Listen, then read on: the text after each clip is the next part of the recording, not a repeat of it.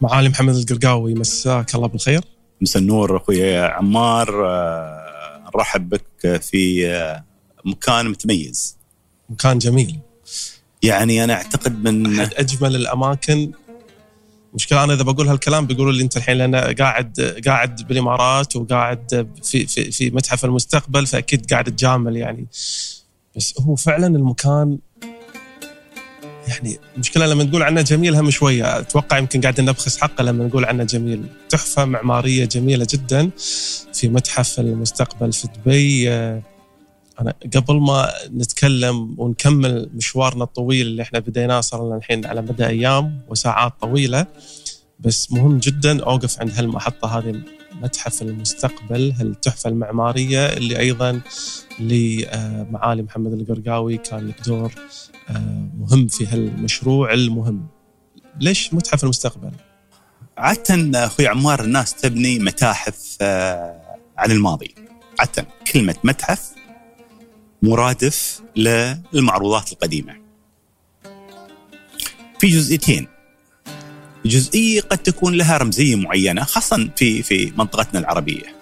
يعني الجزئية الأولى عن عن عن المتحف هذا ومتحف المستقبل معضلتنا الأساسية في العالم العربي إن نعيش الماضي. يعني نادرا ما تشوف حد يطالع المستقبل. مشاكلنا الاقتصادية مشاكلنا الاجتماعية في العالم العربي صراعاتنا السياسية صراعاتنا الفكرية في العالم العربي خلافاتنا قائمة كلها على الماضي. فمع الأسف المنطقة ما زالت تعيش في الماضي، الماضي جيد، التاريخ مهم جدا. ولكن المشكلة إذا التاريخ يقودك اليوم في قراراتك الاقتصادية والسياسية والاجتماعية في أمور كثيرة جدا. ف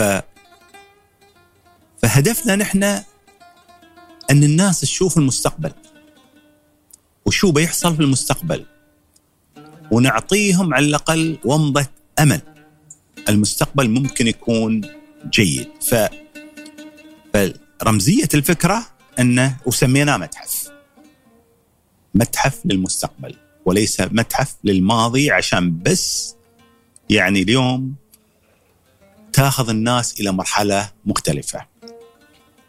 شيء ثاني أيضا دبي مدينة المستقبل. يعني المتحف هذا صعب تسويه في في مدينة ثانية على مستوى العالم. تبغى لك مدينة مستقبلية تتكلم عن المستقبل ومدينة أيضا تلمها الناس. يعني اليوم تجربة دولة الإمارات هي حاضنة. حاضنة لجنسيات مختلفة، ديانات مختلفة، مذاهب مختلفة. في فترة أن في صراعات كثيرة جدا موجودة في العالم اليوم بس ما بالمنطقة مع الأسف في العالم أغلبها صراعات يعني دينية مذهبية أو قد تكون الآن فكرية سياسية أيديولوجيات معينة. هاي جزئية. الجزئية الثانية تاريخ المتحف هذا، المتحف ما بدأ بس مجرد ان كنا نفكر بنسوي متحف، لا. طبقناه جربناه ننظم شيء اسمه القمة العالمية للحكومات. في 2014 في القمة العالمية للحكومات سوينا جناح بسيط صغير يمكن 30 قدم في 50 قدم عن الخدمات الحكومية المستقبلية. يجونا رؤساء دول يزورونا وزراء في في في, في القمة العالمية للحكومات. كان اسمها قبل القمة الحكومية ما بالقمة العالمية أول للحكومات. أول ما بديت. أول ما بدينا كانت القمة الحكومية لأنها كان نظرتنا كانت يعني محلي وبعدها على الإقبال صار تم تغيير الاسم. عموما فينبهرون من الخدمات اللي بتطلع في المستقبل. مستقبل الصحة مستقبل البيئة مستقبل التعليم مستقبل أنت في النهاية. نعم في محاضرات في جلسات ولكن أيضا تبغى تباهم يشوفون الخدمات اللي بتكون مستقبلا. القمة ما كانت عندنا ميزانية أيضا توسع بصورة كبيرة فيها لأن أغلبها كانت رعاة يعني. ف شركة من الشركات شركة اتصالات دو تبنت السنة الثانية مشروع سويناه سوينا خيمة على ضوء. بجانب آه، القمة العالمية للحكومات وسويناه متحف المستقبل. ضمن ضمن فعاليات من ضمن فعاليات مؤتمر. القمة العالمية للحكومات سوينا خيمة الراعي شركة دول الاتصالات ونتكلم عن المستقبل. الفكرة هاي كبرت تدريجيا. هذا الحين 2015 تقريبا. 2015 نتكلم نحن وبدينا 2016 فبعدين تم طرح المشروع. على الشيخ محمد الله يحفظه إنه ليش ما يكون متحف للمستقبل؟ هذه متى تقريبا؟ يعني أتكلم 2016 يمكن متحف للمستقبل في الحدود يعني أنت خذ سنة سنتين من الموضوع يعني إن- الفكرة الفكرة طلعت من من؟ الفكرة طلعت من القمة العالمية للحكومات موجود الفكرة، الفكرة اليوم الناس تزور في صور للشيخ محمد بن زايد الله يحفظه والشيخ محمد بن راشد الله يحفظه والمسؤولين ورؤساء دول يزورون هاي الخيمه اللي فيها متحف المستقبل، خيمة كانت. وفي نجاح كبير. ف أيامها أيضا ما كانت عندنا ميزانية لبناء المتحف. بما أني رئيس شركة دبي القابضة ونقوم بعض الأعمال أيضا ال- ال- ال- الخيرية بما معناه كان جزء من الأعمال الخيرية بناء متحف المستقبل من ميزانية آه، دبي القابضة شركة دبي القابضة ف وين الموقع؟ تم اختيار هذا الموقع على شارع الشيخ زايد. وأذكر بيني وبين الأخ مطر الطاير آه الله يحفظه صديق عزيز وغالي آه إن مطر يقول محمد لو وديتوهم كان بعيد. المتحف. هي لأن على شارع الشيخ زايد ها. فالفكرة إن على شارع الشيخ زايد أهم بقعة اليوم في دبي شارع الشيخ زايد. فتبى الناس تشوف المستقبل موجود قدامهم. بدينا المشروع. المشروع تصميم يعني آه، شركة موجودة في دولة الإمارات في كان عندكم رؤية حق شكل هالمتحف؟ في الرؤية لشكل هالمتحف ونحن نستخدم يعني كنا الشعار زين مستخدم بصورة عامة. فجزء من من الشعار اللي نستخدمه الإضافة اللي أضفناها يعني بغيت أنا عادة لما أدري التصميم هذا بيكون تصميم عالمي وتصميم جميل جدا. بغينا ونحن مولة فبغيت أنا حد من الشباب اللي عندنا في الإمارات تكون له بصمة في المتحف هاي. فعندنا الفنان مطر بن لاحج هو اللي خط الخط العربي على جداريات المتحف ككل. هذا الخط اللي موجود هذا اللي قاعد نشوفه الحين هذا كله هذا من الفنان مطر بن لاحج. يعني مطر بن لاحج قام بعمل جميل وتبغى انت تطلع حد من شبابك على مستوى العالم لأن هذا هذا المبنى أدري اولا المبنى أجمل مبنى في العالم تم اختياره. ثانيا هذا بيدوم عقب 100 سنة. طريقة تصميمه مثل ما يقولون بالإنجليزي ايجلس ما بينتهي عقب عشر سنوات التصميم هذا بيكون قديم. التصميم طريقة التصميم اللي اخترناها طريقة تصميم بعد 100 سنة المبنى هذا بيظل إن شاء الله جديد. وله رمزية عالية الفكرة الأساسية نحن هاجزنا المستقبل. مثل ما يعني هاي هاي جزء من فلسفة الشيخ محمد كلها لازم تفهمها يعني جزء المتحف جزء من فلسفة الشيخ محمد والهاجس اللي موجود من 100 سنة عند الشيخ محمد والشيخ راشد ويدوده على المستقبل. والمستقبل ما بقايم على مباني المستقبل قايم على أمور كثيرة. كل طابق له قصة.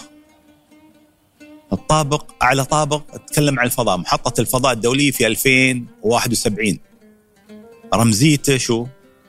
رمزيته مرور 100 سنة على قيام دولة الإمارات. وتعمقنا في موضوع الفضاء في في أمور كثيرة جدا. هناك استراتيجية كاملة في الحكومة على موضوع قطاع الفضاء يمكن نتكلم عنها بعدين.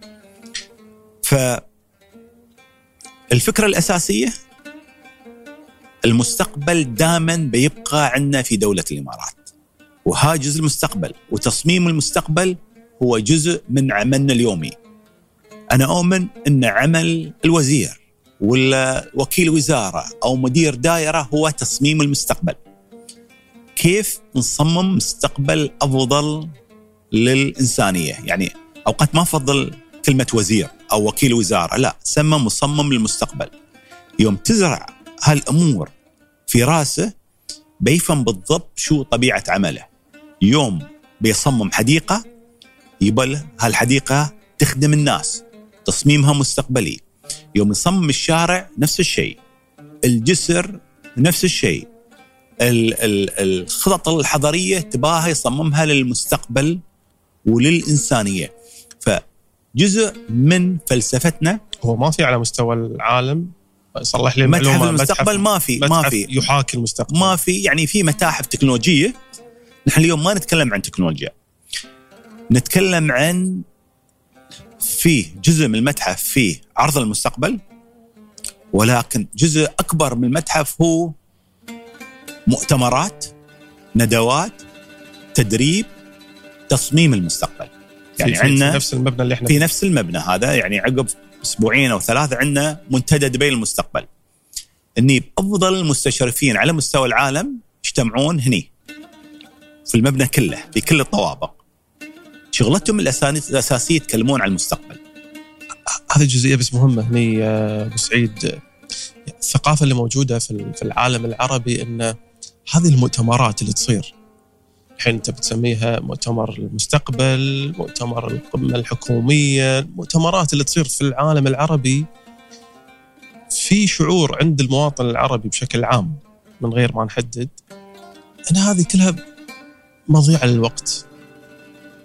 أمور رسمية شكلية بروتوكولية آه، نتجمع مع بعض آه، نصور مع بعض هذا اللي موجود في ذهن المواطن العربي ها وممكن ناكل مع بعض آه، ونطلع تصريحات إعلامية وما في نتائج يعني. ما هال- هالمؤتمرات هذه كلها الغرض منها مثل ما يعبر البعض إنها هي بهرجة مش أكثر. وإذا بنقول واحدة منهم موضوع المستقبل إحنا عندنا مشكلة في في التعامل مع مثل هالمؤتمرات. في الغرب لا.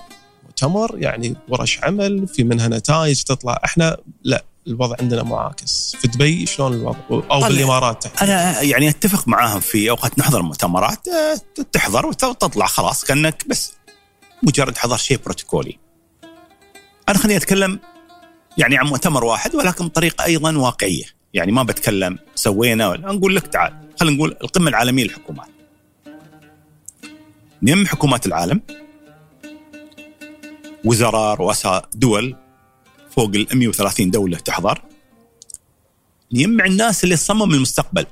يعني الشركات خاصة شركات تقنية مثل إيلون ماسك ولا غيره ولا نفس المجموعة اللي تحضر يانا. ونجيب أيضا المنظمات الدولية. البنك الدولي صندوق النقد الدولي الأمم المتحدة جميع الوكالات العالمية المنظمات العالمية في موقع واحد. بعطيك مثالين يعني نحاول أنا أقول ما بكل مؤتمرات بتطلع بنتائج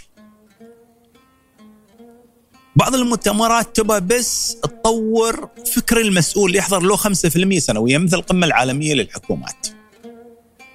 تجيب حكومات العالم تقول كل سنة له 5% يعرف شو تعليم وين ساير بيخطط للتعليم أفضل. إذا عارف وين الصحة شو المشكلة اللي جاية بيخطط بطريقة أفضل وبعطيك مثلين. المتحف اللي نحن فيه طالع من القمة العالمية للحكومات. فكرة شفنا العالم وين ساير صممنا شيء استوى الآن. منصة تعليمية الطلبة يزورونه العالم يزوره ان ياسين نصمم مستقبل أفضل. مستقبل الذكاء الاصطناعي عندنا مؤتمر عن الذكاء الاصطناعي. منتدى ال- ال- ال- ال- العالمي للمستقبل عندنا مؤتمر أفضل المتخصصين يجون يصممون. وبعطيك مثل ثاني. في 2019 في القمة العالمية للحكومات واحد بالمؤتمرات مثل ما قلت أنت. شو استفدنا؟ سوينا على ضوء القمة العالمية للحكومات منتدى، منتدى سميناه المرض إكس disease X هذا قبل كورونا. هذا قبل كورونا في 2019 كورونا بعدها يت حضره مدير عام منظمة الصحة العالمية أغلب المختصين في العالم في موضوع الفيروسات والأمراض المعدية وزراء الصحه ومجموعة كبيرة من مسؤوليننا في القطاع الطبي. اس- اسمه كان؟ disease X بس أن في شيء بيحصل بيخلق أزمة. أزمة في العالم متوقع شيء يحصل كل خمس سنوات عشر سنوات تحصل عموما إيبولا ولا غيره ولا غيره ولكن هو كيف تستعد لأمور مثل هاي. ما تعرف شو بيجي في المستقبل ولكن ضروري إنك على الأقل عندك الفكر والاستعداد والفريق اللي ممكن نعرف إن شيء مثل هذا بيجي. بيجي عقب سنة أو بيجي عقب 20 سنة بس جاي ف الجهات الصحية سواء آه، الأخ عبد الرحمن العويس وزير الصحة والجهات الرقابية وجهات الطوارئ وجهات الطبية المحلية حضروا عارفين في شيء وعارفين كيف يتعاملون مع الأمور هاي. المبادرة هذه كانت من من؟ من القمة العالمية للحكومات، نحن نسوي مبادرات عن في في القمة العالمية للحكومات عن وايد منتديات يمكن على على ضوء القمة عندنا 20 منتدى من مستقبل التعليم إلى مستقبل الصحة إلى disease X شيء طلع إلى مستقبل التكنولوجيا إلى أمور كثيرة جدا تخصصية. في مؤتمر عام ولكن أيضا في على ضوءه الكثير من الندوات والمنتديات التخصصية ونسويها مع ناس مختصين. بالمهم أنا أتكلم من 2019 ما في أي شيء عن كورونا عن كورونا ما نعرف شو كورونا ولا كوفيد ولا هذا عقبها بسنة إلا العالم سكر العالم وقف تقريبا سنتين. سنتين واقف تماما. اقتصاد دول انهار أزمة أمراض نفسية. شركات انهارت. حكومات ضخت. تريليونات في اقتصادها. في أمريكا، بريطانيا، أوروبا لإنعاش الاقتصاد، أزمة عالمية ما بصحيه. دولة الإمارات لأن بس في فريق عمل كان يتابع كانت مستعدة. فتعاطينا مع أزمة كوفيد ولا كورونا كان مختلف عن دول العالم الثانية. والعالم كان مسكر وأنتم كنتوا فاتحين. فاتحين يعني سكرنا أذكر في مارس ثلاث أسابيع فقط. لا تبى الناس تتعلم أن تعلم ما تختلط كمام ثلاث أسابيع وبعدها البلد كانت مفتوحة. شو انعكاسه؟ وأقول لك أنا أذكر في فريق تقني يصير عند الشيخ محمد. يمكن أول مرة أتكلم عنها يعني التقني دكاتره لازم نسكر.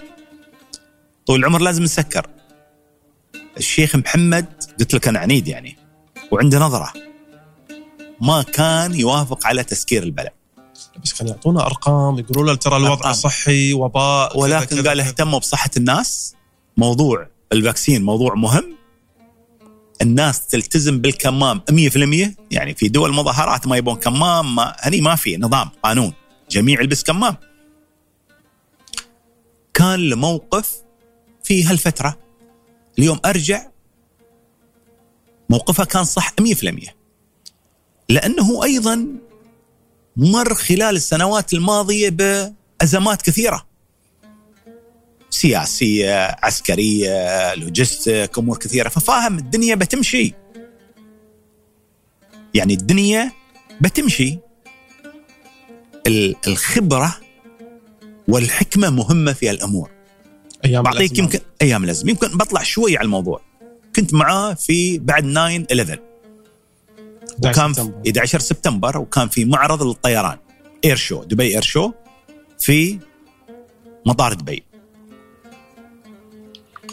تعرف ما حد كان يسافر.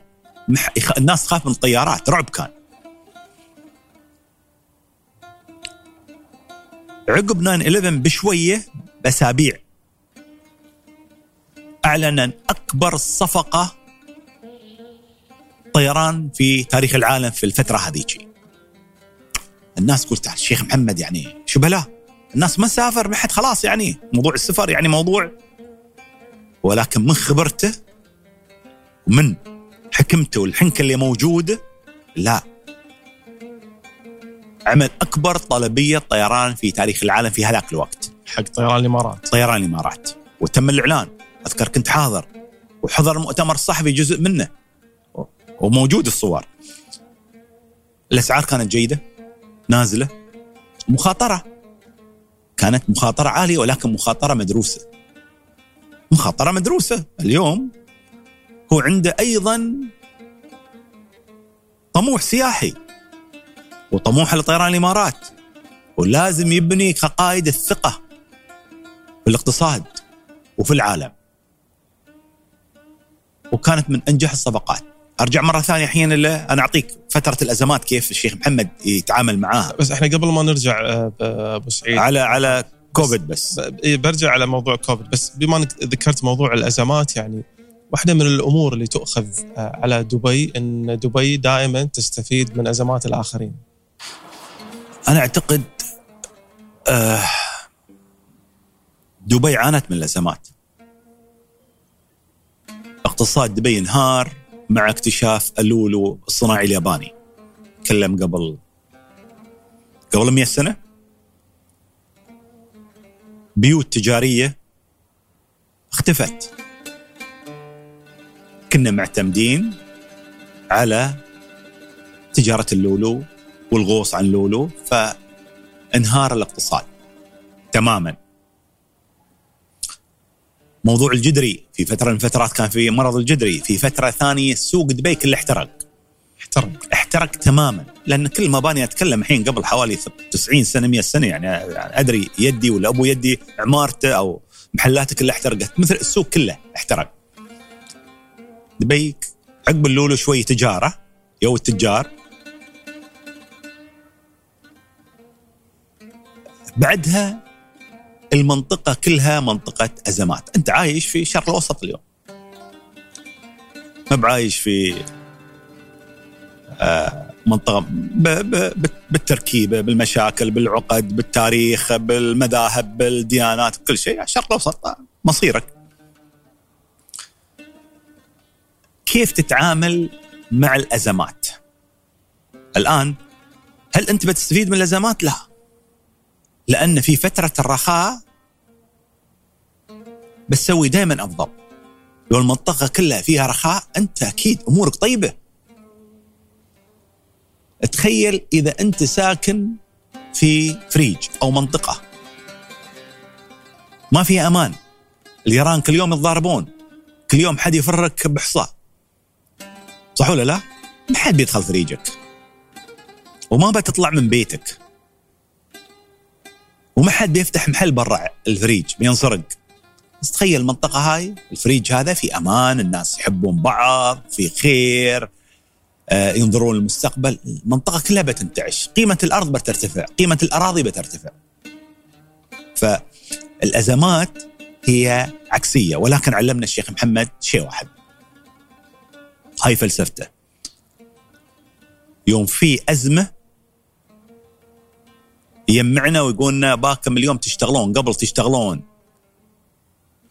24 ساعة أباكم تشتغلون يوم 48 ساعة. فجزء من فلسفته واستراتيجيته في فترات الأزمات العمل يكون ليل ونهار. ليل ونهار. العمل ما يوقف. في دول في أزمة في شيء وقفوا الناس. شلل حالة شلل. شلل تصير كامل في الاقتصاد في المجتمع. وتحولت إلى منهجية. فالفرق إن في فترات الأزمات نشتغل نحن ما بكان الأمور طيبة. كأنها أطيب شيء في الدنيا لازم نشتغل ولازم نجتهد ولازم بعطيك أنا آخر أزمة كورونا كوفيد أوكي أرجع أقول لك كم في في فهم إن في شيء بيحصل من خلال القمه العالمي للحكومات والمنتدى اللي كان disease X في المنتدى. يت أزمة كوفيد. هل وقفنا نحن؟ هل سكرت مدارس؟ على مستوى المنطقة الطلبه فقدوا سنة تقريبا المدارس سكرت. هني لا التعليم من أول يوم تحول تعليم إلكتروني الطالب يحضر. الموظف يداوم. قلت لك سكرنا ثلاثة أيام. طيران الإمارات طيران الامارات شغالة. والخطوط الطيران الثانية. البلد ماشية. يمعنا وقلنا فترة عمل هاي فترة جهاد. لبلادكم لدولة الإمارات. فالعمل كان مضاعف. وخلني أكون صريح ياك يعني في قصة في نص فترة كورونا الله يحفظه الشيخ محمد بن زايد والشيخ محمد بن راشد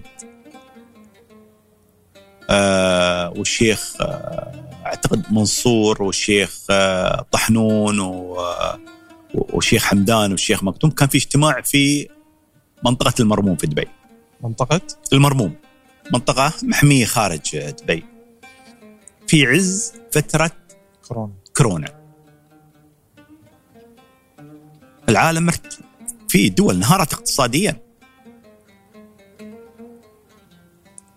فاجتمعنا كان معانا الأخ جاسم الزعابي خلدون المبارك أعتقد آه، ومكلمك أعتقد هذين إن شاء الله ما نسيت حد أنا. زين والشيخ محمد بن زايد الله يحفظه قال لنا كل حد يتكلم. الموضوع كله الحين عن كورونا الحين الأزمة. عن الأزمة في في أزمة اليوم في العالم. عقب ما خلصنا الكلام الشيخ محمد بن زايد الله يحفظه قال لي محمد عندك أسبوعين. تعال بخطة. أسبوعين. الحين أنت لازم تعرف إنه في بعض الأمور لا تقدر تجيب استشاري خصوصا في هالوقت. يعني. في في هالوقت وبلادك هاي. في النهاية أنت تتكلم عن بلادك لازم تفهم بلادك أفضل. من أي استشاري آخر. من أي استشاري ثاني، استشاري يبغى له سنين لين ما يدرس لين ما يقدم لين ما يجيب خبراء من برا يفهمون بلادك هاي بلادك. أنت فاهم منها عدل رابي فيها يعني رابي من. تعرف كل حبة رمل في بلادك كل سكة كل شارع في بلادك. شو نقاط القوة اللي موجودة؟ قال خلال أسبوعين قدم خطة. الحين أنت اللي تم تكليفك في الموضوع. يعني كلفني الله يحفظه الشيخ محمد بن زايد تقديم خطة فترة كورونا الآن. والعالم ونحن جزء من العالم في النهاية. ما أعطاني الأمانة أسبوعين بعد بالضبط عشرة أيام. وأذكر اليوم كان يوم وصول مسبار الأمل إلى المريخ.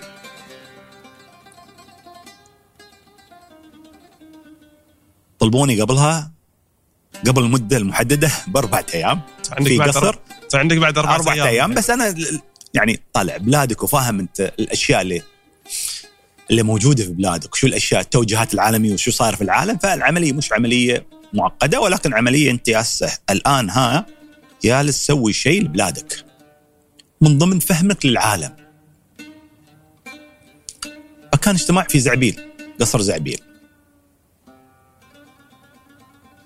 تم عرض كان حاضر الشيخ محمد بن زايد. الشيخ محمد بن زايد الشيخ محمد بن راشد. آه، الشيخ آه، منصور الشيخ آه، سيف أعتقد الشيخ طحنون آه، الأخ جاسم الزعابي أعتقد آه، الشيخ آه، حمدان بن محمد الشيخ مكتوم بن محمد وتم عرض البرزنتيشن اعتمد رئيس الدولة على طول وقال نفذوا. وتحركنا. يعني تحركنا خلال فترة قصيرة جدا. اجتمعنا مع كل الفرق الحكومية. اجتمعنا مع القطاع الخاص. اجتمعنا مع الجهات الاتحادية والمحلية وتحركنا بقوة. بتلاحظ نموك الاقتصادي في فترة كورونا كان عالي جدا. يعني المرحلة الأولى العالم كان في كان في نمو في في في في خوف. كان في نمو اقتصادي. من هذاك الاجتماع لين اليوم طالع النمو الاقتصادي في دولة الإمارات. طالع كم ملياردير يا دولة الإمارات؟ ومليونير. أعلى عن أمريكا. أعلى عن أوروبا. فطلعت مبادرات كثيرة جدا. القيادة فترة الأزمان تشتغل. تشتغل أكثر عن فترات الرخاء. هاي فلسفة دولة الإمارات. وهذا ال- هذا اللي وارثينه شيوخنا من الشيخ زايد والشيخ راشد الله يرحمهم. وهذا اللي ورثوه أيضا في مجتمعنا مجتمع دولة الإمارات. أنا أتكلم عن واقع. اليوم الأرقام تتكلم. أنا ما أتكلم عن شيء. أتكلم عن الأرقام. طالع النمو في السياحة. طالع النمو في حركة الطيران. طالع النمو في المطارات.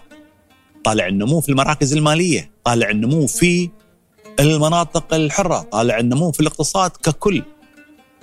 طالع النمو في التعليم اليوم يعني أنا أمسات قبل أربع أيام طالع بيانات كم نسبة النمو في المدارس الخاصة. مدارس خاصة معناها هي شركات ياتك من الخارج صح ولا لا؟ قطاع خاص. قطاع خاص ياك من العالم.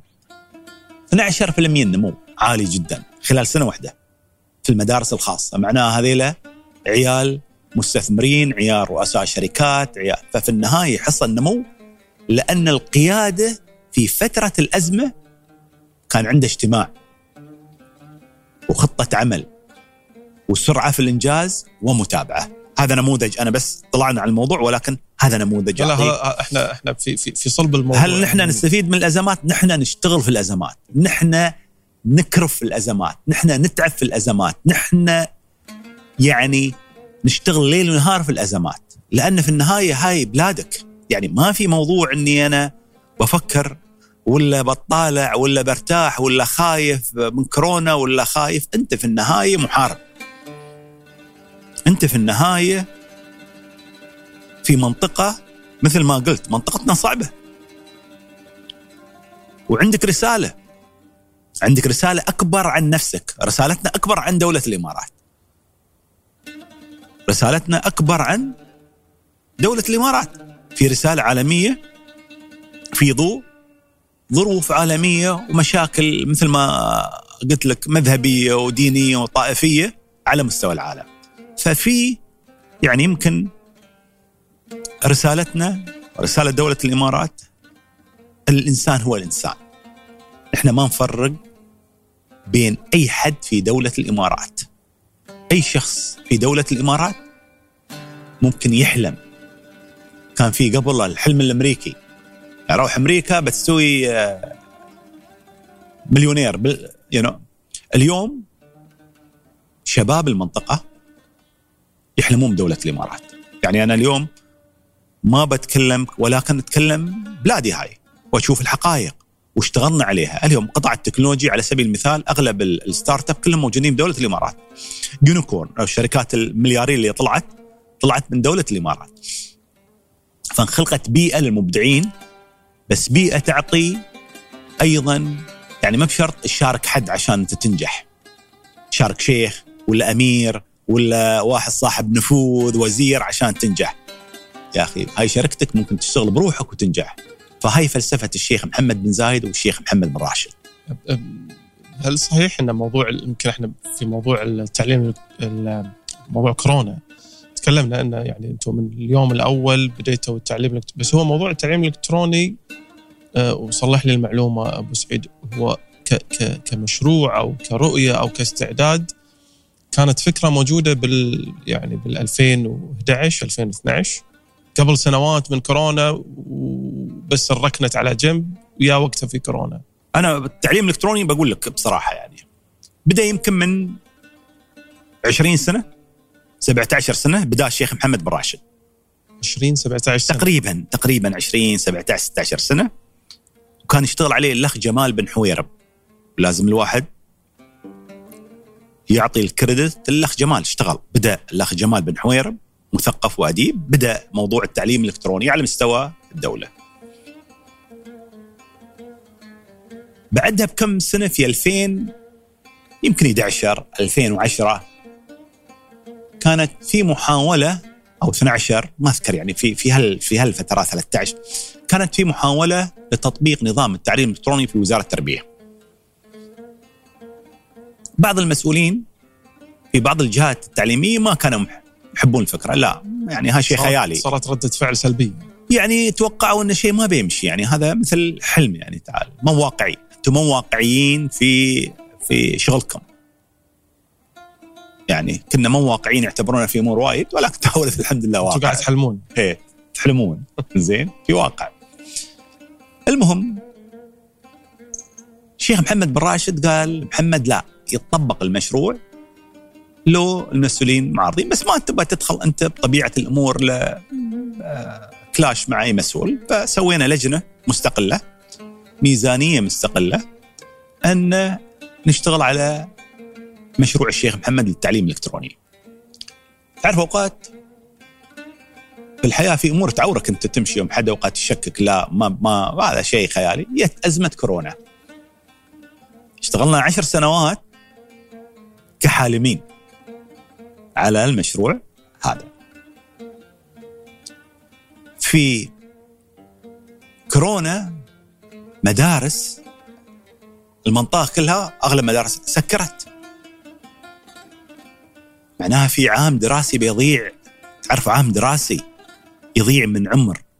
أي إنسان في كلفة تعليمية على الطفل نفسه أو الطالب نفسه ولكن في كلفة اجتماعية على الأهل في كلفة اقتصادية على الدولة على المدى الطويل يعني. سنة ضاعت من عمر فرد في المجتمع سنة. فما بالك مئات الآلاف من الأفراد أو بعض الدول ملايين فعلى طول اتجهنا للتعليم الإلكتروني. وجود المشروع؟ هو اوريدي موجود جاهز كل شيء فيه مجرد أنت بس يكليك ان فالمشروع اللي كان يعتبر حالم وغير مجدي قبل عشر سنوات وكانوا يشككون فينا أنه غير قابل للتحقيق طبق. الآن عقب سنتين الدنيا كلها الحمد لله ردوا الناس المدارس والتعليم. من يومين المدارس سكرت يوم الجمعة. مطر كل المدارس. شو استوى؟ المدارس كلها طرشت الطلبة اشتغلوا أو درسوا أونلاين. فالمدرسين يدرسون الطلبة أونلاين. ففي بديل جاهز. جاهز ويدرس ويطبق. بس مجرد مثال. طيب إحنا يمكن تكلمنا يعني خلال هالحلقات معاك آه، معالي محمد القرقاوي أكثر من مرة يمكن ركزنا أيضا على دبي وعلى كيف المكتب التنفيذي أو المجلس التنفيذي وحكومة دبي والمشاريع وأبرز المشاريع اللي كانت تصير. آه، لكن أنت في 2006 تحديدا بعد تولي الشيخ محمد بن راشد رئاسة الوزراء عملك انتقل الآن إلى إلى إلى إلى إلى الدولة الاتحادية أكثر وعمل اتحادي وزاري حكومي اتحادي أكثر. كلمني هنا عن هل الانتقال من العمل المحلي الآن على الصعيد الاتحادي. أذكر التاريخ هذا واليوم هذا كأن البارحة. أذكر كنت في البيت تقريبا الساعة ستة ونص الصبح يا ستريق أفطر. في الخوانيج منطقة الخوانيج.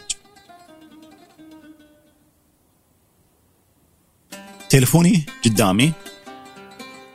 رن التليفون شيخ محمد. على طول يعني لما الشيخ محمد اتصل أقل على طول شليه ستة ونص الصبح. تقريبا ستة ونص الصبح. قال لي محمد تعال قصر الزعبيل القديم. بسرعة. الله يرحمه الشيخ مكتوم بن راشد توفى. صدمة. صدمة للجميع يعني كانت لأن الشيخ مكتوم كان في بداية الله يرحمه الشيخ مكتوم راشد بداية الستينات تقريبا 62 طالع إجازة استراليا. ما حد توقع. يعني صدمة ل ل ل أهل الدولة ومحبتهم للشيخ مكتوم بن راشد الله الله يرحمه وعطاءه وكرمه وتواضعه. يعني شخصية الناس تحبها حب كبير جدا فكانت صدمة للجميع يعني تعرف. فرحت على قصر زعبيل قصر شيخ راشد القديم اللي ربوا فيه. في شبابهم يعني الله يرحمه الشيخ مكتوم والشيخ حمدان بن راشد الله يرحمه والشيخ محمد والشيخ أحمد بن راشد. صرت كان في مكتب في نص يعني في حوي كبير في في القصر أو ساحة كبيرة ففي مكتب أول ما تدخل من الباب الجانبي في مكاتب على اليسار على طول الشيخ محمد كان موجود هناك. صدمة كانت صدمة للشيخ محمد وكان متأثر جدا في الموضوع هذا. ف فعلى طول الناس ما بعرف حينه الموضوع. فأذكر يعني كان كلمت الأخ وليد العارضة صحفي. لا لازم يصير خبر يطلع في, في التلفزيون وفي الإعلان. الان ما كان طالع خبر. ما طالع خبر وصغناه يعني. ونحن هناك في قصر آه، زعبيل القديم في مكتب جانبي أذكر. وطلع الخبر كان صدمة للجميع. صدمة وحزن كبير كان آه، للجميع لأن أب كان للجميع. ويحتضن الجميع يحتضن الشيخ محمد واخوانه وهالبلاد كلهم كأب. في هذا في يناير 2006 بداية يناير 4 5 يناير تقريبا 2006 في فبراير تم تشكيل يعني الشيخ محمد صار حاكم لدبي طبيعة الحال خذ مكان الشيخ مكتوم بن راشد نائب رئيس الدولة ورئيس مجلس الوزراء. ف تشكل الشيخ محمد الحكومة الاتحادية. واسمي من ضمن القائمة كوزير شؤون مجلس وزراء شبيه العملي كأمين عام للمجلس التنفيذي في حكومة دبي. ولكن على مستوى أكبر على مستوى الاتحاد. على مستوى الاتحاد. وهذا يعتبر أول منصب وزاري. أول منصب وزاري. والشيخ محمد رئيس ال ال الوزراء في أمور أعطيك أنا ثورية الشيخ محمد في الإدارة. أول اجتماع وأنا الآن وزير شؤون مجلس الوزراء لازم نحضر الأجندة. أول اجتماع لازم الأجندة تكون دسمة فأسير الشيخ محمد بنحضر الأجندة طويل العمر قال لا لا شنو إنه ما في أجندة؟ لا لا لا تحضر أجندة أول اجتماع. أول اجتماع؟ بالباكر رحت له مرة ثانية. طويل العمر أجندة الاجتماع أول اجتماع مجلس وزراء أنت عندك كان بلان أو عندك شيء؟ يعني طبيعي طبيعة عملي أنا طبيعة عملي لأن الأمان العام مجلس الوزراء عندنا ورئاسه مجلس الوزراء موجودة. أه، فطبيعه الأمان العامة انه تحضر أجندة الاجتماع. قال خل الاجتماع بدون أجندة. أعتقد الاجتماع الوحيد لأي مجلس وزراء في العالم اللي كان بدون أجندة.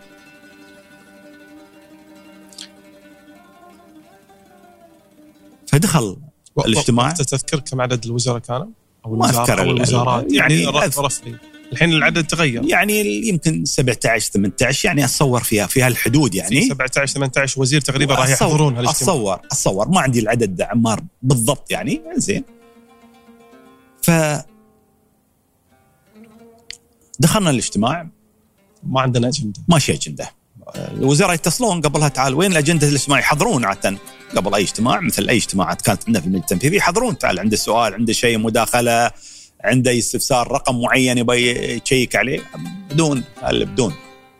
طبعا أكيد الكل متوتر الحين وأول اجتماع و... أول اجتماع وهذا الشيخ محمد يعني الحين أنت في النهاية الشيخ محمد له اسلوب معين. فاول اجتماع كان يمكن أكثر اجتماع بعد. أكثر. أكثر اجتماع. قال ابى ألغي جميع اللجان اللي موجوده الوزاريه كلها والمجالس. كلها. كلها. كلها. ويعيد هيكلة عمل الحكومة الاتحادية. فالاجتماع كان قصير. الاجتماع كان إلغاء جميع المجالس واللجان وال... لأن كانت يمكن وايد لجان. ف ونبدأ بداية من الصفر بداية جديدة. فكانت أول صدمة للوزراء. وأكثر اجتماع ولكن أقوى اجتماع كان. أغلب الوزراء في لجان. هذا رئيس لجنة هذا نائب رئيس لجنة هذا عضو مرة واحدة. كل حد بس منصبه الآن وزير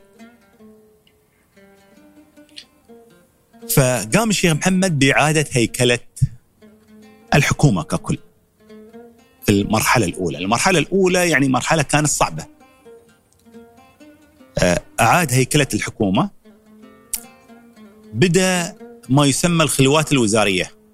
يعني هو أسلوب الشيخ محمد بناء فريق. يحب يشتغل كقائد كفريق.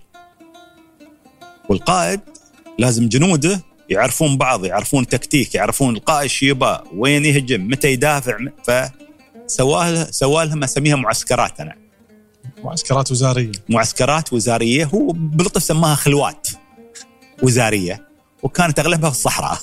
هني اللي كان ياخذ الوزراء في في الصحراء نعم. زين. بعضها كانت عطني واحدة من هالخلوات. بعطيك بعضها كانت في جزر. زين. المهم كانت كأنها معسكرات.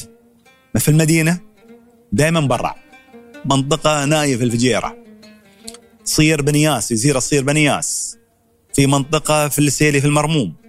فكانت متنوعة ولكن كانت مثل المعسكرات وعنده هدف واحد واضح. هو ياسبني فريق الآن. وعنده خطة. وعنده هدف. وعنده حلم. ولكن أعتقد أيضا في مسؤولية كانت. يعني حاس في مسؤولية كبيرة. العمل الحين على صعيد. الاتحاد. رئيس الدولة الله يرحمه الشيخ خليفه بن زايد وعطاه فوضه فلازم ينجز.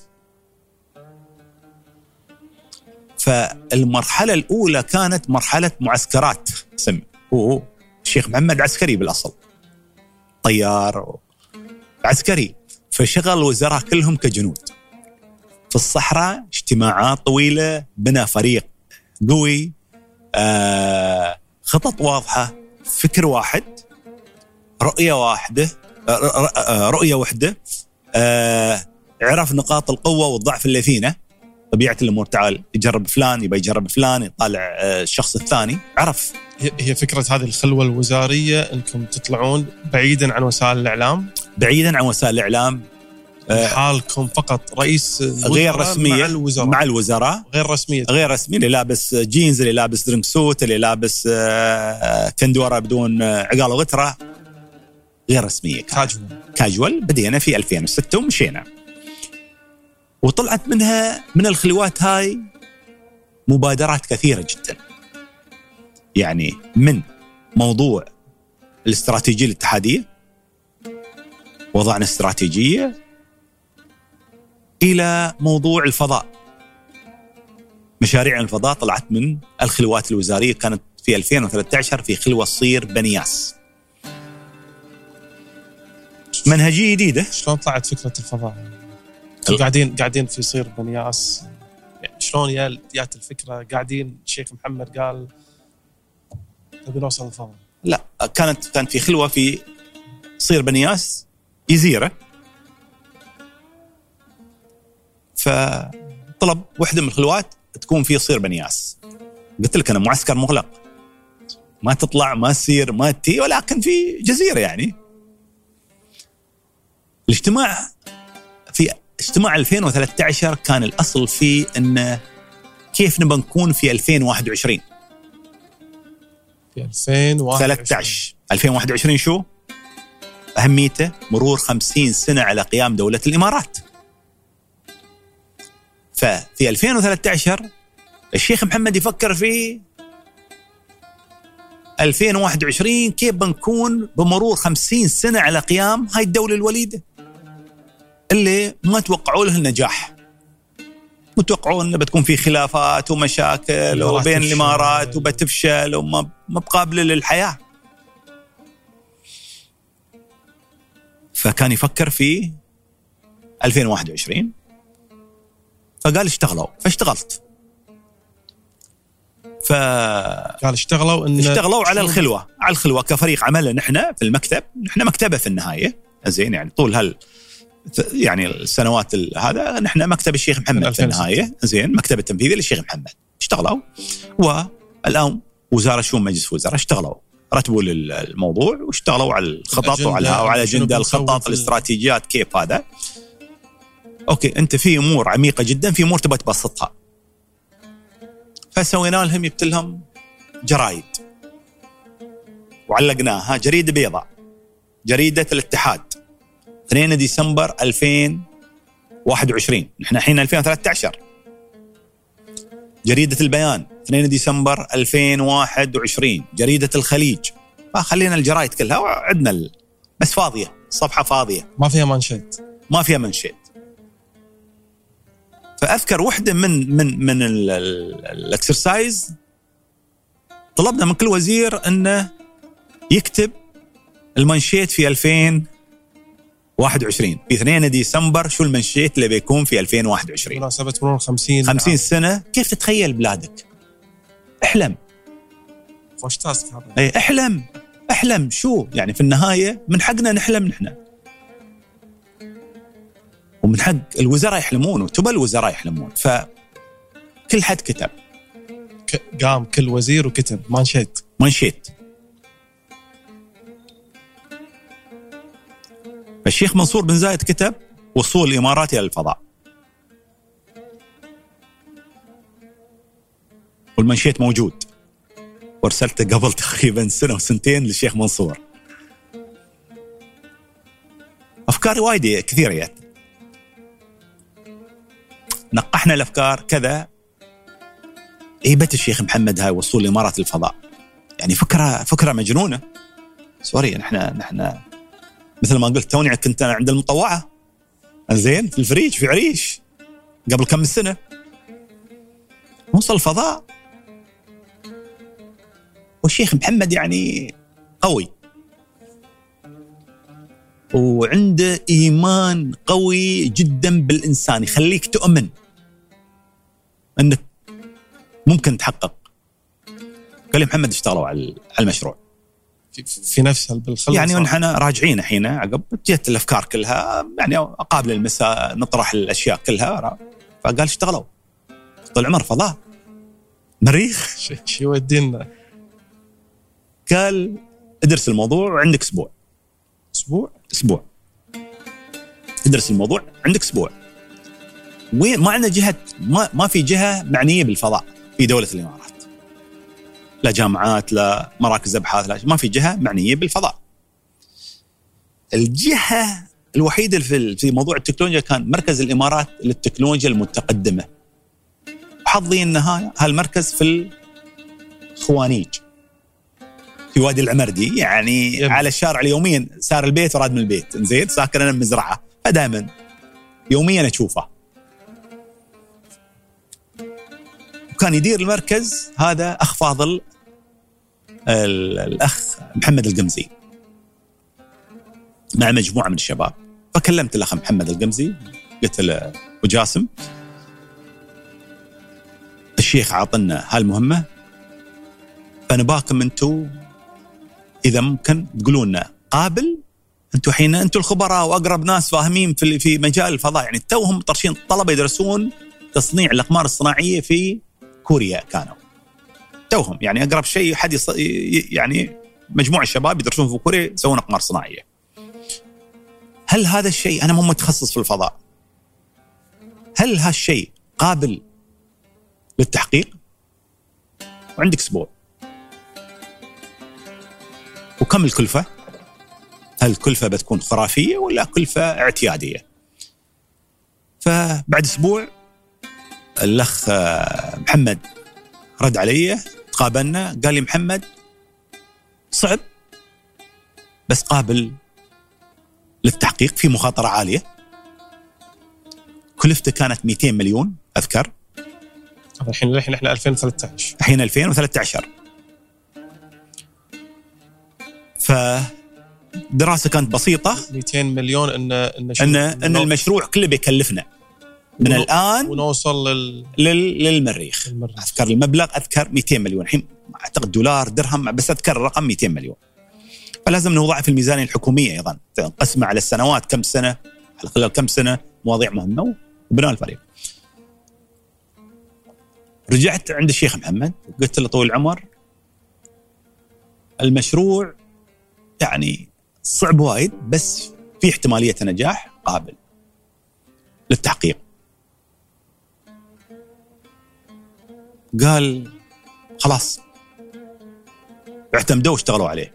إحنا إحنا ما عندنا مركز فضاء من الأصل. ف وبنبني فريق العمل وبنعلن عن المشروع. هذا كلام الشيخ محمد. زين ما عندنا مركز فضاء. قال اشتغل صرف. لا تقول لي قال لك عندكم أسبوع بعد. لا قال لي قال لي اتصرف خلاص إحنا نحن خلاص عندنا الضوء الأخضر إن على. مشروع يعني تبع على المشروع الفضاء تحرك بس ما عندك مركز فضاء. وأنا أقول لك الحقائق. فقابلت الأخ محمد مرة ثانية. قلت أنتم بتشتغلون على الموضوع هذا. تفاجأ.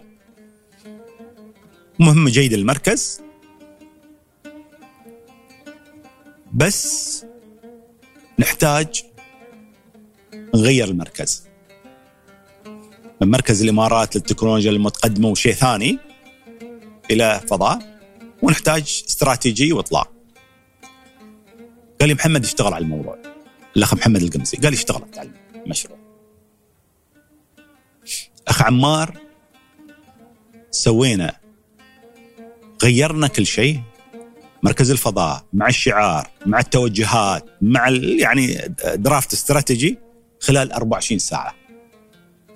24 ساعة. خلال 24 ساعة تم إطلاق الشيخ محمد. صرت له بال... بالأشياء كلها قال لي خلاص. فأعلن عن مركز محمد بن راشد للفضاء خلال 24 ساعة. هذا في مخاطرة. ولكن هذا حلم دولة وحلم قائد أيضا فأنت دوري أنا أن أشتغل ونحفر الصخر يتحقق اللي يبغاه الشيخ محمد. المرحلة الثانية قال اشتغلوا على على الاسم على المشروع وفريق العمل. فالشيخ محمد دائما يغرد يعني يشارك الناس في في فكرة في طرحة في توجهاته فقال ابى يكون للعالم العربي ما للامارات خلي يختارون له اسم. وابى يكون للشباب العربي. يت عشرات الآلاف من المسميات. فتحتوا المجال الاسم. الناس تختار حتى الاسم. اسم هالمسبار اللي بيروح المريخ شو اسمه؟ فاختار له مسبار الأمل. وايدين ما يعرفون ليش الأمل. لأن الشيخ محمد يبغى يخلق أمل للشباب العربي. أمل للشباب العربي هذا اللي قال لي للتاريخ. قال مهمتنا نحن الشاب العربي نقول نعم ممكن توصل فضاء أنت ما بقل عن أي إنسان ثاني في أي دولة ثانية. قال ابى الفريق 100% من الشباب والشابات من دولة الإمارات. ال staff كله إماراتي. staff إماراتي. كان ال staff كله في العشرينات وبدايه الثلاثينات. كل ال staff. ف فحضرنا في قصر البحر في جميرة في دبي في أم سقيم يعني قبل جزيرة النخلة عفوا. إحنا مسقيم يعني منطقه ثانية وجميرة منطقه ثانية ولكن الناس كلها جميرة بيش يسمونها. زين. في قصر البحر الإطلاق فأطلق الشيخ محمد مشروع مسبار المريخ وسماه الأمل بحضور فريق العمل اللي وراه شباب وشابات من دولة الإمارات. ف هذا فكرة المشروع فأنا أرجع مرة ثانية لين تاريخ في وصول. المسبار إلى المريخ هذاك اليوم والاجتماع الزعبيل بحضور الشيخ محمد بن زايد والشيخ محمد بن راشد وإخوانهم وأبنائهم للنظر على وضع استراتيجية خلال فترة كورونا كيف نشتغل بصورة قوية. وصل مسبار الأمل إلى المريخ في هذاك اليوم بحضور الشيخ محمد والشيخ محمد في مركز محمد بن راشد في للفضاء في وادي العمردي على فكرة هذا الوادي ونحن صغار كنا نخيم فيه. بر كان. فكنا نروح نخيم. في دبي. في دبي هيك كنا نخيم في أسبوع أسبوعين أغلب الناس كانوا. فالناس في جازات الربيع وهذا. فتحول يعني في النهاية لما نقول من الصحراء إلى الفضاء نعم من الصحراء إلى الفضاء. ف المشروع الفضاء عقب تطور الشيخ محمد قال اشتغل على أشياء ثانية. فاشتغلت مع الشباب في مركز آه، آه، محمد بن راشد الفضاء. تقاعد الأخ محمد القمزي آه، مسك المركز الفريق طلال بالهول والأخ حمد المنصوري. فاشتغلنا معاهم ويوسف آه، شيباني وأيضا سالم المري في مجموعة شباب جيدة وسارة الأميري على فكرة الوزيرة طلعت كانت ماسكة مشروع المريخ وتحولت وزيرة من خلال هذا المشروع. والأخ عمران شرف كان مدير المشروع أو مشرف المشروع أيضا تحول وكيل وزارة آه، مساعد في وزارة الخارجية لشؤون التكنولوجيا بناء على المشروع، فالمشروع أيضا خرج مجموعة عقول. هذا الهدف أيضا. أنت في النهاية تبى تطلع مجموعة شباب في قطاعات مختلفة. ف من مشروع من الفكرة هاي والتغيير اللي حصل خلال 24 ساعة الآن لا مطلوب برنامج فضاء متكامل. ف فاقترحوا الشباب برنامج رواد الفضاء. بس هني بين قوسين بشكل سريع آه، معالي. كنتوا تسمعون 2000 و 2013 تم الإعلان. 2013 2014 يمكن 2015 إن تصريحات بالهواء هذه إيه لا لا طيب آه يعني تعودنا. كلام كلام آه كلام صحيح يعني صحيح. كلام. انشا إحنا وين والفضاء وين. إيه. أوكي قولوا الكلام بس عاد من اللي بيحاسب بعدين؟ من اللي راح يدري انه راح فعلا نوصل إيه. ولا ما نوصل؟ ليه ما وصلنا؟ ليه ما وصلنا؟ وفي ناس كانت تطنز. يوم الإعلان نفس الكلام. يوم وصل سلطان نيادي محطة الفضاء الدولية وأول عربي.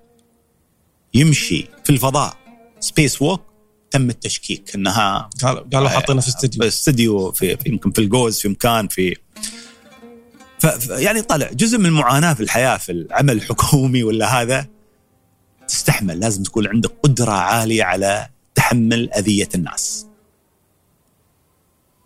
قدرة عالية على تحمل أذية الناس، لأنه ولازم تفكر الموضوع أكبر عنك أنت، موضوع بلادك هاي.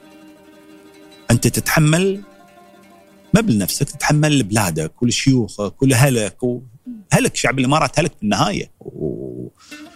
يعني اليوم هزاع المنصوري وصل محطة الفضاء وعقبه عقبه أخوه سلطان نيادي يعني آه تم ستة أشهر في محطة الفضاء الدولية و... ومشى في ال في ال في السبيس ووك. يعني حلم. يعني اليوم تطالع أنت سلطان نيادي شيخ زايد أنا دائما أنظر. أقول لو الشيخ زايد الله يرحمه موجود اليوم شو نبغى نقول له؟ في صورة للشيخ زايد سنة 1976 في مجموعة من علماء ناسا يعرضوا له بعض مشاريع الفضاء مكوك الفضاء توه كان فكرة بعض الصواريخ وأعتقد كان منهم فاروق الباز ومجموعة من الأجانب 76 يمكن كان يحلم الشيخ زايد الله يرحمه. إن إي من واحد صغير بجانب مدينة العين. مغافه وأكيد الشيخ زايد زهرنا هاي في الأربعينات والخمسينات كانت يمكن كذا بيت بسيطة جدا. واحد من مغافه واحد قريبة من العين ويوصل للفضاء. فالله يرحمه الشيخ زايد حقق حلمه في بناء دولة. ولكن دائما نقول شيخ زايد بنى إنسان. ف هزاع المنصوري سلطان نيادي كرواد فضاء نماذج من الشباب والإنسان اللي اللي اللي, اللي بناه. الشيخ زايد غير الأمور الحضارية الثانية. أهم شيء الإنسان. أنا يمكن على طاري آه، المغفور له الشيخ زايد راح راح أعرج عليه أيضا إن شاء الله في سياق الحديث معاك. لكن ودي أيضا أبقى أكثر شوية حتى نفهم إيش قاعد يصير على مستوى العمل الحكومي الاتحادي. إحنا يمكن أعطينا مثال يتعلق في مسألة آه، آه، الوصول إلى الفضاء. بس مرة ثانية نقل التجربة المحلية. الآن على الصعيد الاتحادي آه، شنو شنو اللي تطور أكثر في الإمارات على الصعيد الاتحادي؟ الشيخ محمد لما مسك الحكومة الاتحادية في 2006 جو ناس.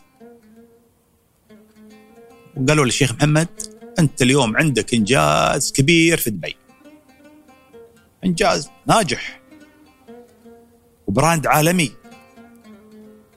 وتجربة إدارية حكومية وتجربة اقتصادية. بتفشل يمكن بالحكومة الاتحادية لأن الحكومة الاتحادية كانت توها بعدها. حاولوا يحطونه. انه حافظ على على على البراند اللي موجود. نخليك في دبي. يعني اليوم أنت ناجح بصورة كبيرة جدا. ونجاح عالمي. وينضرب بك الوصف في قائد إداري. اليوم في احتمال هني شيء جديد بس قابل للفشل. للشيخ محمد كان تحدي هذا. لهذا كانت الخلوات الوزارية من الخلوات الوزارية طلعت مبادرات طلعت استراتيجيات في استراتيجية. وضع رؤية. في 2007 أطلق استراتيجية دولة الإمارات بحضور الله يرحمه الشيخ خليفه بن زايد رئيس الدولة والحكام. في قصر الإمارات. فالتزم وضع استراتيجية ورؤية لدولة الإمارات. وضع مؤشرات. بقول لك قصة. لما اشتغلنا على الاستراتيجية يعني مع توليه رئاسة مجلس وزراء وضعنا مؤشرات للحكومة الاتحادية. نبغى نكون من أفضل أو عشر دولة. من أفضل عشر دول. من أفضل عشر دول على أي صعيد؟ في تنافسية الدول. على مستوى العالم. يوم صرت له في, في المرموم أذكر. اراوي يعني. يوم الثاني بيعرض الاستراتيجيه فأقول له يعني مع فريق العمل والشباب يعني في النهاية نحن نبغى نكون من أفضل عشر دول. يطالعني قلت يعني بيقول لي محمد دائما يقول لي ولدان. هاي يوم أقول لك ولدان أنت تأخذك عشر سنوات هاي. طالعني؟ قال لي لا. كيف لا؟ من أفضل عشر دول يعني. قدامنا أمريكا اسكندنافيا الدول الاسكندنافية أوروبا كلها. قال نبغى نكون الأول. فقال لي نبغى نكون الأول. رجعت. كيف الأول؟ بعدنا إحنا تونا بادين. قال لي الأول. ما بالثاني؟ ما بالثالث؟ الأول. فهاي فلسفته. وتحولنا في عشرات المؤشرات على رقم واحد في تنافسية بين دول العالم. استوت منهجية.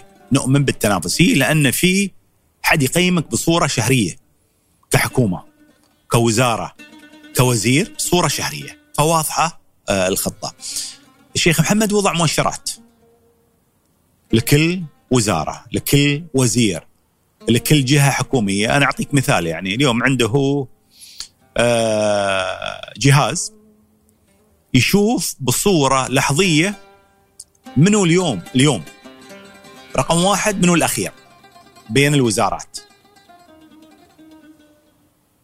منو رقم واحد منو الأخير في العمل. موجود عنده ال ranking موجود عنده ال ranking الوزراء عندهم أيضا. الوزراء يشوفون نتائجهم بس ما يعرف أسا... ما يعرفون أسامي الوزارات اللي قبلهم ولا اللي تحتهم. يعرف ترتيب اليوم مثلا التاسع أو العاشر أو ترتيبه 16 يوم 16 انتبه تعال أبى أتحرك. ف انخلق أيضا نظام إداري راقي أنا أسميه إن كل واحد عارف يعني في النهاية وين وين مستواه. من موضوع كلام وتصريحات لا موضوع إنجازات لدولة الإمارات فتغيرت المنهجية طلع مجموعة من الشباب في مبادرات كثيرة طلعت في الحكومة الاتحادية يمكن اليوم حكومة دولة الإمارات أكثر حكومة ابتكارا على مستوى العالم، افكار طلعت يعني أوقات تؤخذ من القطاع الخاص مثل المسرعات الحكومية.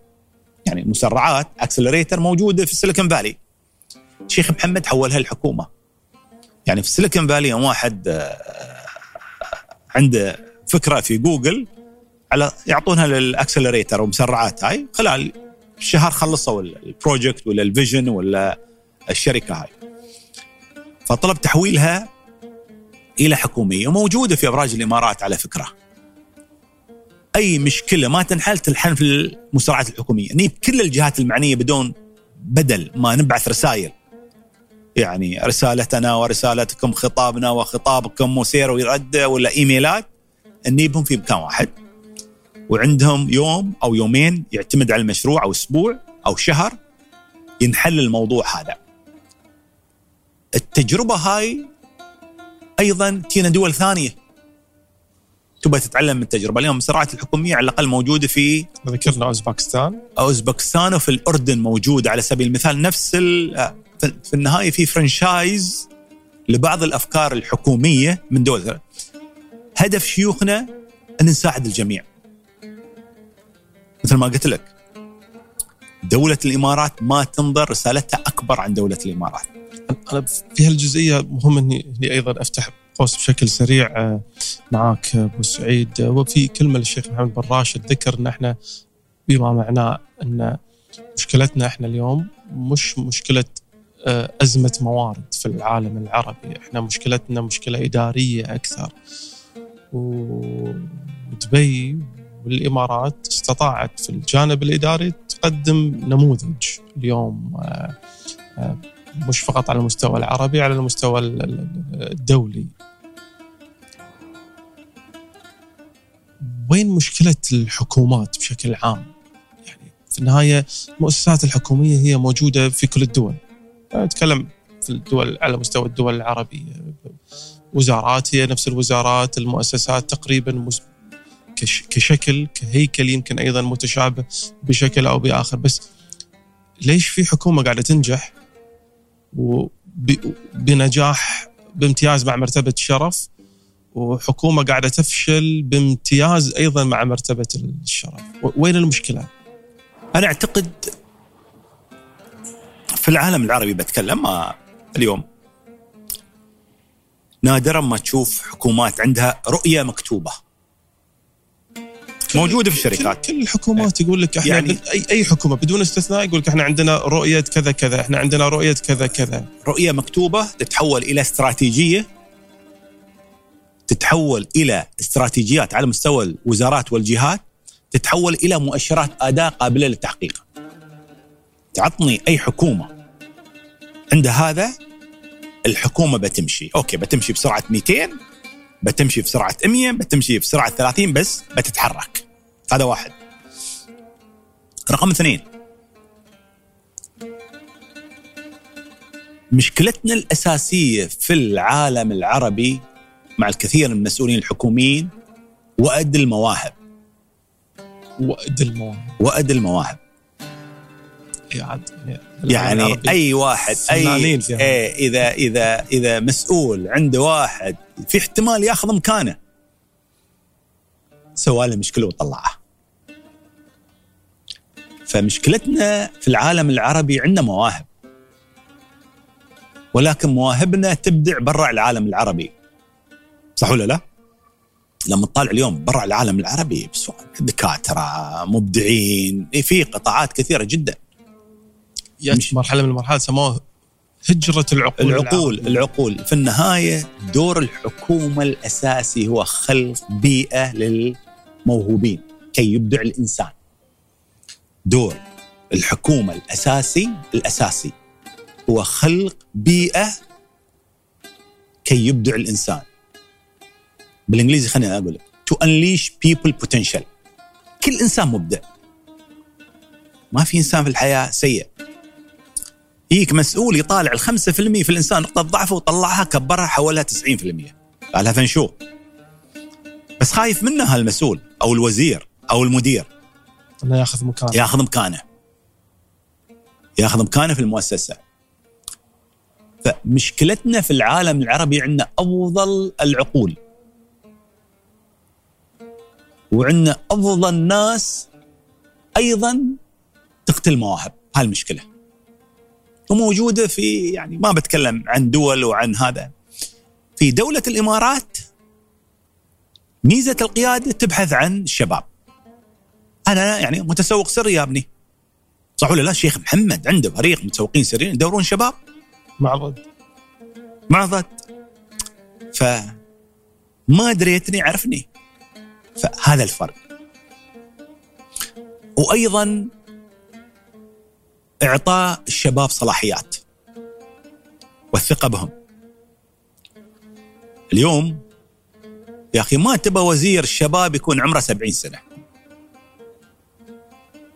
أعطيك مثال ثاني صح ولا لا؟ وزير الشباب يا أخي يعني تبى واحد يمثل الشباب هاجسهم مشاكلهم شو عندهم طموحهم أفكارهم مشكلتنا في العالم العربي أيضا ممكن يمكن يختلف آه، مفهوم definition مال الشباب يمكن يعني في العالم العربي من دولة لدوله يعني. يمكن يعني اليوم يعني يمكن الشباب إيه. ال range مال الشباب بالإمارات ممكن يكون بال twenties thirties بس في دول ثانية ممكن يكون بال seventies الحين يعني يعتبرونهم شباب نحترم قراراتهم بس أنا أنا لما أتكلم شو مشكلتنا في العالم العربي مشكلتنا واضحة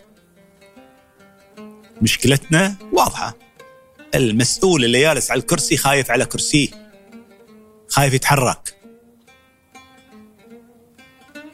خايف يطلع دقيقة حد يجلس مكانه. خايف إذا واحد عنده فكرة جيدة من الشباب المبدعين قتل فكرته. خايف يبتسم في وجه موظفينه واللي إيه يشتغلون عنده أو يصب عليهم. أنا أعرف في ناس ما كانوا يصبحون على موظفينهم. يعتقد إن هاي قوة. هذا ضعف. هو ما واثق من نفسه وقدراته يخاف يبين شخصيته لموظفينه. مشكلتنا في العالم العربي هي مشكلة مثل ما قال الشيخ محمد إدارية. عندنا خير الدنيا. عندنا خير. عندنا اولا الخير تقريبا ما يعادل 380 مليون نسمة. من حدود أوروبا إلى حدود الهند. عندنا موارد مائية. عندنا زراعة أرض زراعية. عندنا غاز وبترول وعندنا شواطئ وعندنا صحراء وعندنا خير إحنا قاعد نتكلم عن الوطن العربي. أنا أتكلم عن الوطن العربي. ولكن في خلطة أيضا كذلك. شو الخلطة؟ الخلطة هاي كلها قائمة على إن تبى ناس تنقب عن عقول الشباب. بعطيك قصة. في 2001 تقريبا عن التنقيب عن العقول. 2001 سوينا مؤتمر بعد أحداث 11 سبتمبر قرب بين بين الغرب. يعني شافونا نحن همجيين إرهابيين في المنطقة. فأذكر سوينا المنتدى دبي الاستراتيجي والمنتدى العربي الاستراتيجي 2001 2002 فجبت توماس فريدمان بن برادلي سمويل هانينغتون ومجموعه كبيرة من الباحثين والمفكرين والهذا. ف فالشيخ محمد حاضر عقبها يعني شخصيتين كانوا بن برادلي مال ووتر جيت اللي مطلع الووتر جيت كإعلامي صحفي مخضرم وتوماس فريدمان نيويورك تايمز معروف شخصية عزمهم على الغداء. أنا أتكلم في 2002 الحين تقريبا فوق 21 سنة أو 22 سنة. الشيخ محمد ركب أذكر بن برادلي جالس عدال الشيخ محمد والشيخ محمد يسوق بنفسه. توماس فريدمان جالس ورا وأنا جالس أنتوا الأربعة. الأربعة. والمؤتمر كان في قاعة الجودولفن في أبراج الإمارات. ف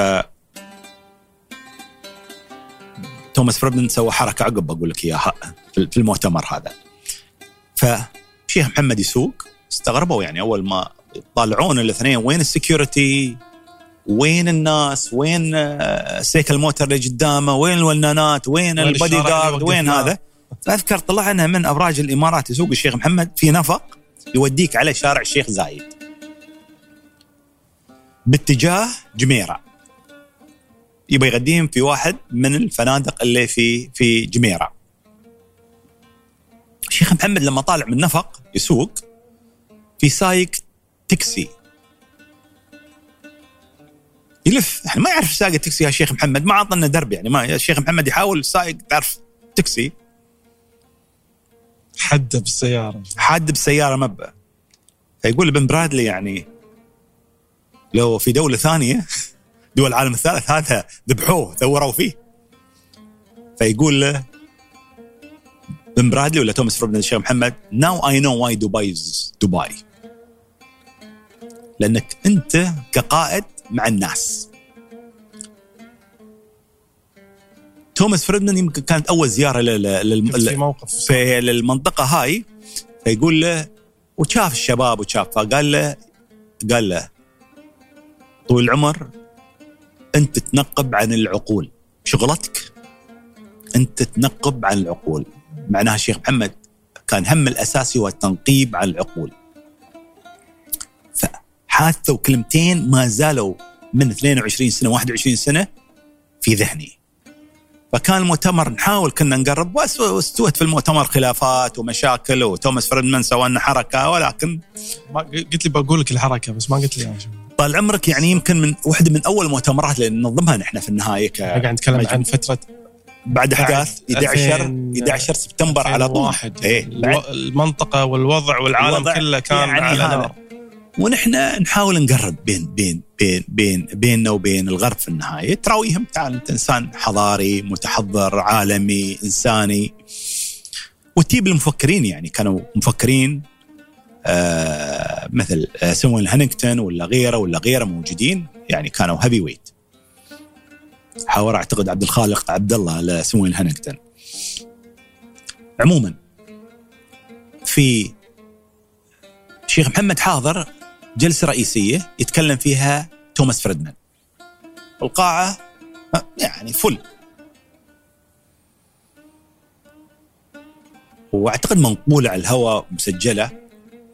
فخلص توماس فريدمان مداخلته وكذا وفي المودريتر المحاور ترك المجال للناس تسأل.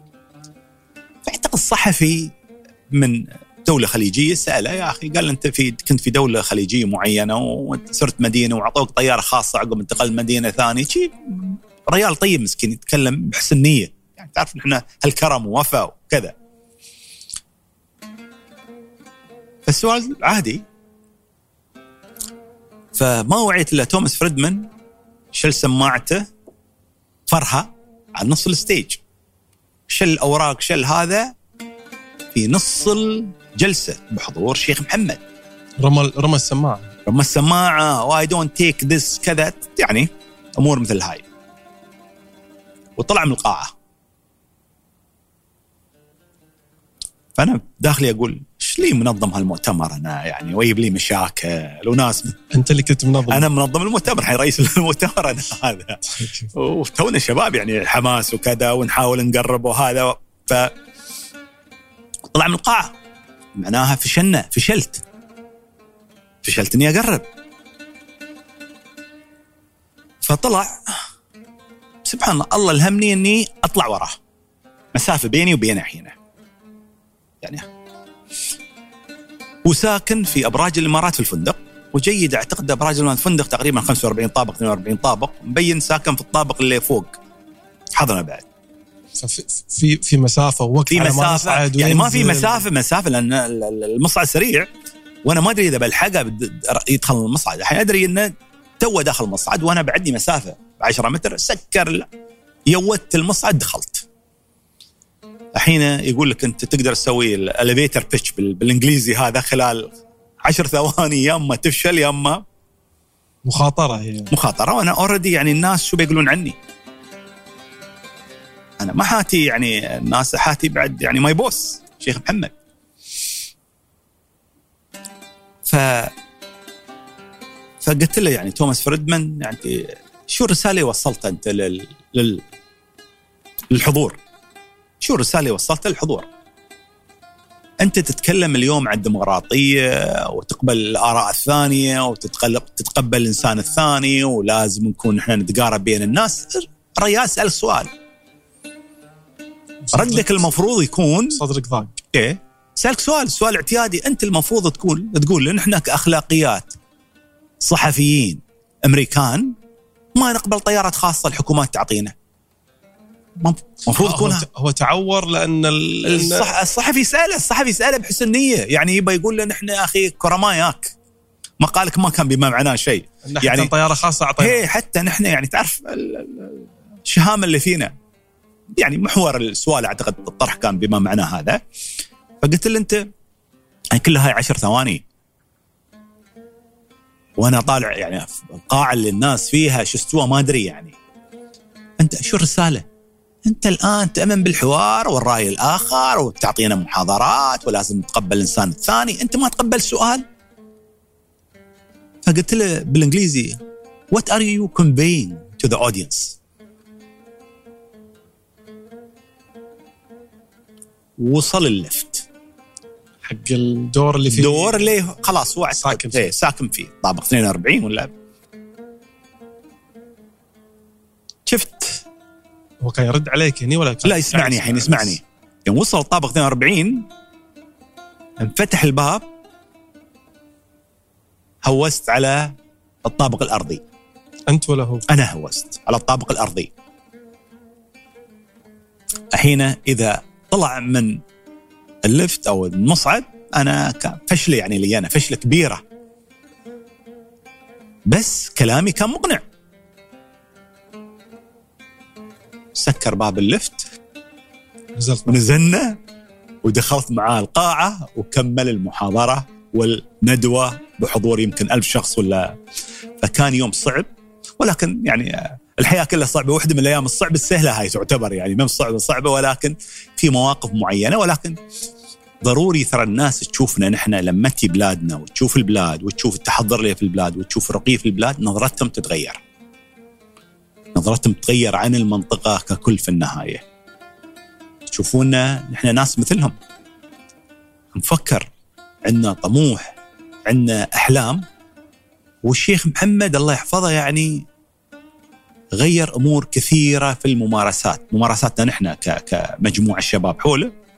والممارسات أيضا على مستوى دبي ودولة الإمارات. العمل آه، آه، أبو سعيد في في الحكومة الاتحادية آه، الحكومة الاتحادية شلون شلون تدار؟ شلون- تدير حكومة اتحادية من مجموعة حكومات محلية؟ الوضع أكيد مختلف عن عن الجانب المحلي. لا طلع يعني دولة الإمارات قصة نجاحها هي الفدرالية اللي موجودة في دولة الإمارات. الدستور واضح.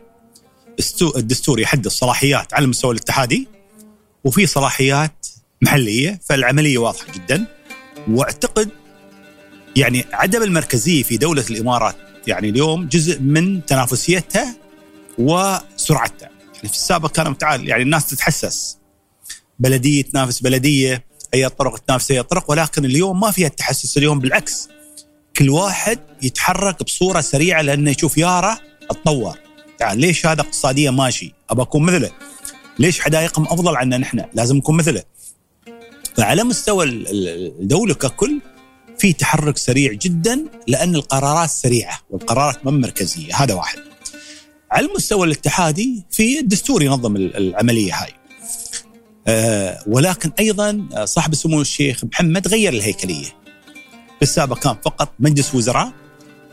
لما الشيخ محمد ألغى اللجان والمجالس أنشأ بعض الأمور، يعني أنشأ المجلس الوزاري للتنمية اللي كان اسمه المجلس الوزاري للخدمات وفي مجموعة من الوزراء التشغيليين يقومون بعمليات تشغيلية. آه، التعيينات، الأوبريشن، آه، تنقيح الاستراتيجيات، الأمور هاي كلها تكون في المجلس الوزاري للتنمية برئاسة سمو الشيخ منصور بن زايد. أيضا هناك مجلس للتعليم والموارد البشرية رئاسه الشيخ عبد الله بن زايد وفي مجموعة من الوزراء في القطاع هذا. المشكلة خاصة موضوع التعليم من تجربتنا تغير الوزير تتغير المنهجيه كاملة. فارتأى الشيخ محمد كلها كلها تشيت. إلا اليوم في مجلس تغير وزير واحد في سبع باقين. والعملية مستمرة على طول خلاص ما بقرار فردي هو قرار جمعي للحكومة تقرر توجهات الرئيسية تغير شخص بدلة بس الأمور تمشي. بالإضافة أيضا هناك أيضا تم إنشاء آه، جهاز الإمارات للاستثمار للاستثمارات الاتحادية الحكومية وتنميتها.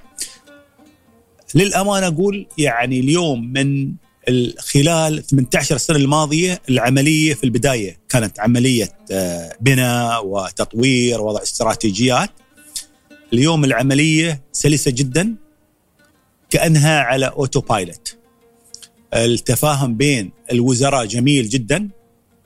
آه من خلال يعني يمكن الشيخ محمد مثل ما ذكرت بدأ بالخلوات الوزارية السابق. فبنى هالفريق الفريق متجانس يتغير شخص شخصين ولكن الفكر كله يبقى.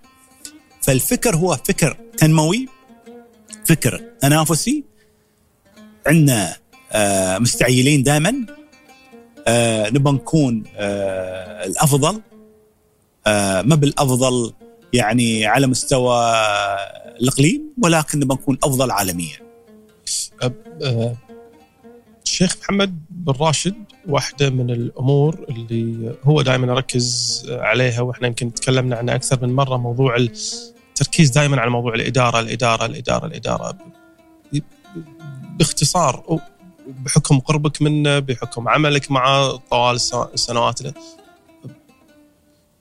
وصف أو أو أسلوب الشيخ محمد بن راشد في الإدارة. إذا إذا أبيك تبسط لي إياه على بوينت الشيخ محمد اولا يعطيك الصورة الكبيرة.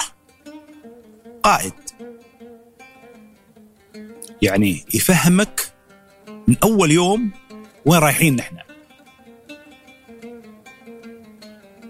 لفريق العمل. لا مو وين رايحين. كيف بنروح الرحلة هاي؟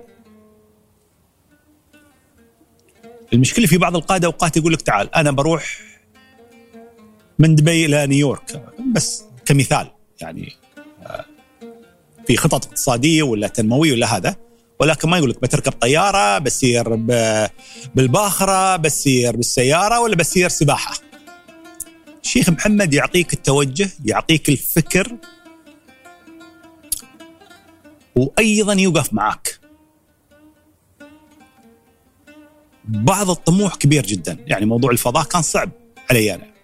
يعني لحد ما وصل مسبار الأمل. المريخ وتم تلقي أول إشارة. يعني كانت بتيني سكتة قلبية لأن في النهاية بعد في ويك قدام معذبك و... والبلد كلها والعالم والناس اللي كانت تطنز والناس اللي كانت تشكك والناس اللي مستحيل أنتم آه، كدولة توصلون للفضاء ولكن داعم معاك هو. سريع جدا. عنده ميزة لما ينجز مشروع ما يجلس على المشروع يفكر في اللي بعده على طول. على طول في اللي بعده. إنساني في التعامل. يعني أوقات يحسبك شوي مزشم ولا هذا ما وعيت إلا مجموعة أدوية يتك وكلها طبيعية على فكرة. كلها organic. كلها organic. يعني أنا يوميا شهريا يطرشوا لي من عنده شيء يسمونه New Life الصبح هذا ريوق يعتبره. شنو هذا؟ New Life organic drink شراب organic صغير. في مجموعة فيتامينات وأعشاب ما أعرف شو فيها ما حد يعرف سوى تحاليل ما اعرف ولكن تعطيك طاقة وتركض طول اليوم من سنين. عطنا من هذا. ما نعطيك إن شاء الله فالك طيب. جربها إن شاء الله. إذا فيها نيو لايف فأنا قصدي يهتم بالشباب اللي حوله كإنسان كأخ كبير. يعني هالأمور بعضها قد تشوفها صغيرة ولكن كبيرة. في النهاية قائد هو. مثل ما قلت لك في العالم العربي في زعيم قذافي زعيم. والزعماء يعني ما شاء الله يسترسلون في الخطب كأنهم مثل فيدل كاسترو بالخمس ساعات ست ساعات. شيخ محمد ما تسمع لخطابات يعني مثل الثانيين لمحاضرات في الإدارة في كيف نستعيد حضارتنا في امور محدده لها منهجيه اللي يوصل رساله كبيره للمجتمع والعالم. كيف نستعيد حضارتنا؟ على سبيل المثال ما أتكلم كيف نستعيد حضارتنا ككلام يعني مثل الزعماء الثانيين و... وكنا وكنا وكنا وكنا قال لا خلص المحاضرة هاي قال أبى خطه عمل شو بتسوون؟ خطة عمل قائمة على برامج كثيرة على سبيل المثال. بعطيك يمكن خلال الأيام هاي عندنا موضوع القراءة. تحدي القراءة العربي. تحدي القراءة العربي على سبيل المثال. كيف تسعيد حضارتك وأنت ما تقرأ؟ قال ابى الأطفال في العالم العربي يقرون. فسوى مسابقة ويدفع فيها عشرات الملايين. اليوم عندك 24 مليون طفل سنويا يتنافسون منو الأفضل في موضوع القراءة؟ كل واحد يقرا يلخص 50 كتاب. هذا بيطلعون منهم علماء بيطلعون منهم مثقفين أدباء بيطلعون منهم إن شاء الله ناس تخدم أوكي يمكن عقب 10 20 30 سنة ولكن في خطة عمل موجودة. موضوع مثل نوابغ العرب. اليوم في جائزة نوبل موجودة في الغرب يحتفون. فطلب أيضا نوابغ العرب شبيه لجائزة نوبل ولكن للعالم العربي والشباب في العالم العربي. يعني خلال الأيام الجاية في لجان من أفضل العقول العربية على مستوى العالم موجودة. على موضوع موضوع التعليم الإلكتروني الآن في بلاتفورم آه، آه، مدرستي. بالعربي يسويه الشيخ محمد لجميع الدول العربية. مجانا. مخيمات اللاجئين القرى الصغيرة في كذا ففي النهاية لما يتكلم عن شيء في خطة عمل وفي منهجية وفي عمل ميداني. عمل ميداني برجع مرة ثانية. أعتقد السكسي منت ولا برنامج ثاني أمريكي يعني يوم سالوه ليش شيخ محمد تمشي وما حولك ماشي حراس؟ سؤال. تمشي شيخ محمد أنت تدخل مطاعم تتغدى يا الناس السوق بروحك كذا. ليش ما بحولك الحراس؟ يعني مثل الدول الثانية؟ أنا ما أخاف من شعبي. ما أخاف من شعبي والقاطنين في دولة الإمارات. يحبونه. قال هذيل هم الشرطة.